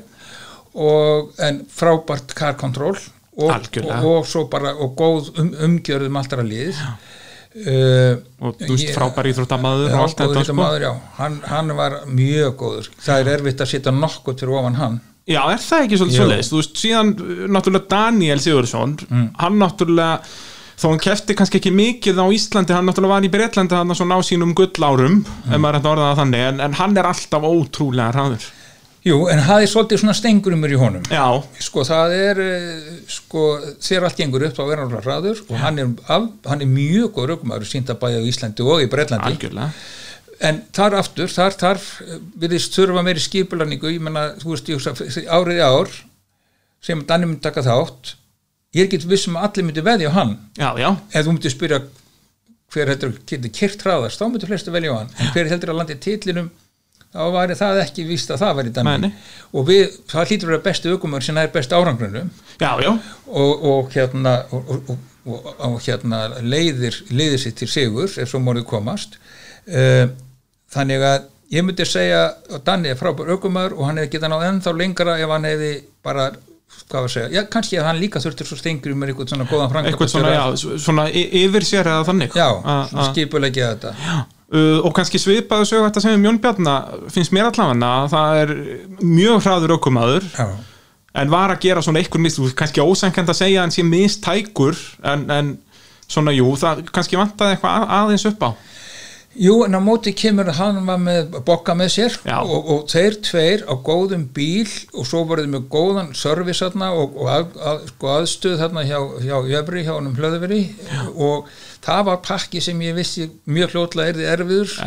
Var, umgjörðin var rétt þar akkurat konsepti var gott hjá þeim og það þetta er þegar ég lít tilbaka hvað hefur gjátt komið einhverju menn sem rosalega hræður og svo hverfaðir en sko Jómbi var dæmigerð Jómbi og Boggi voru dæmigerð menn sem að eh, hefðu, já og unnu náttúrulega titilin allir já, menn, já, tvo, en, tvo held ég, Já. er það ekki, níu og tíu? Já, allir þessi menn svo nefnir eru afbörð ökum Já, er það ekki, það er svona erfitt að reyna að velja eitthvað neitt já, en þeir eru samt misjafnir. Já, það er rétt sko. Og þú veist, það er náttúrulega alltaf auðveldast að segja bara Rúnar er bestur. Að hann náttúrulega er með alla, þú veist, hvað 13 titla eða eitthvað en ég er sko með sömu rökum mætti þá að segja að ég veri næstböstur að þriðbröð því ég er búin að vinna 16 keppnir. Já, ég myndi aldrei að segja það. Nei, nei, vegna að það er svo margt sem að margt sem spilar inn í og, hvað hva, hva, sumir segja bara hann er bestur sem getur kert hraðast. Já, náttúrulega í, sko, ef þú værir að keppa kannski brautarakstri að þá á það meira við, sko. Og það er allakstur, held ég sem báðum sammálum að það snýst þetta ekki vissulega þarf að keira mjög hratt Já, já. en þú þarfst að gera það konsistently, skilur að ég meina Colin McRae var ekki tífaldur heimsmeistari þó hann var nú yfirleitt hraðastur. Nei, það er akkurat máli það, þetta, þetta verður að vera þetta fullkomna samband, sko, yin and yang. Já, það er bara þannig. Þú verður að finna rétt að balansin Já, eigum við þá ekki bara að fara að kalla þetta gott? Við erum búin að bladra í tvo klukkutíma. Þetta virkir Þetta, þetta, þetta er ferlegt alveg. Nei, við elskum þetta. Og vonandi elski þið þetta hlustendur líka. Uh, Þetta var allt saman í bóði Innvjala og AB Varaflutta. Sigurður Bræði, þakka þér kærlega fyrir spjallið. Þakka fyrir namni og uh, já, endilega þið hlustendur uh, þið getið svona að gefa okkur í einhverjum uh, af þessum podcastforritum er hægt að gefa svona stjörnur og eitthvað. Þannig ef að þið fíluðu þetta endilega gefa okkur gott review eins og er segja á ennskunni og já, bara þangað til næst. Bless bless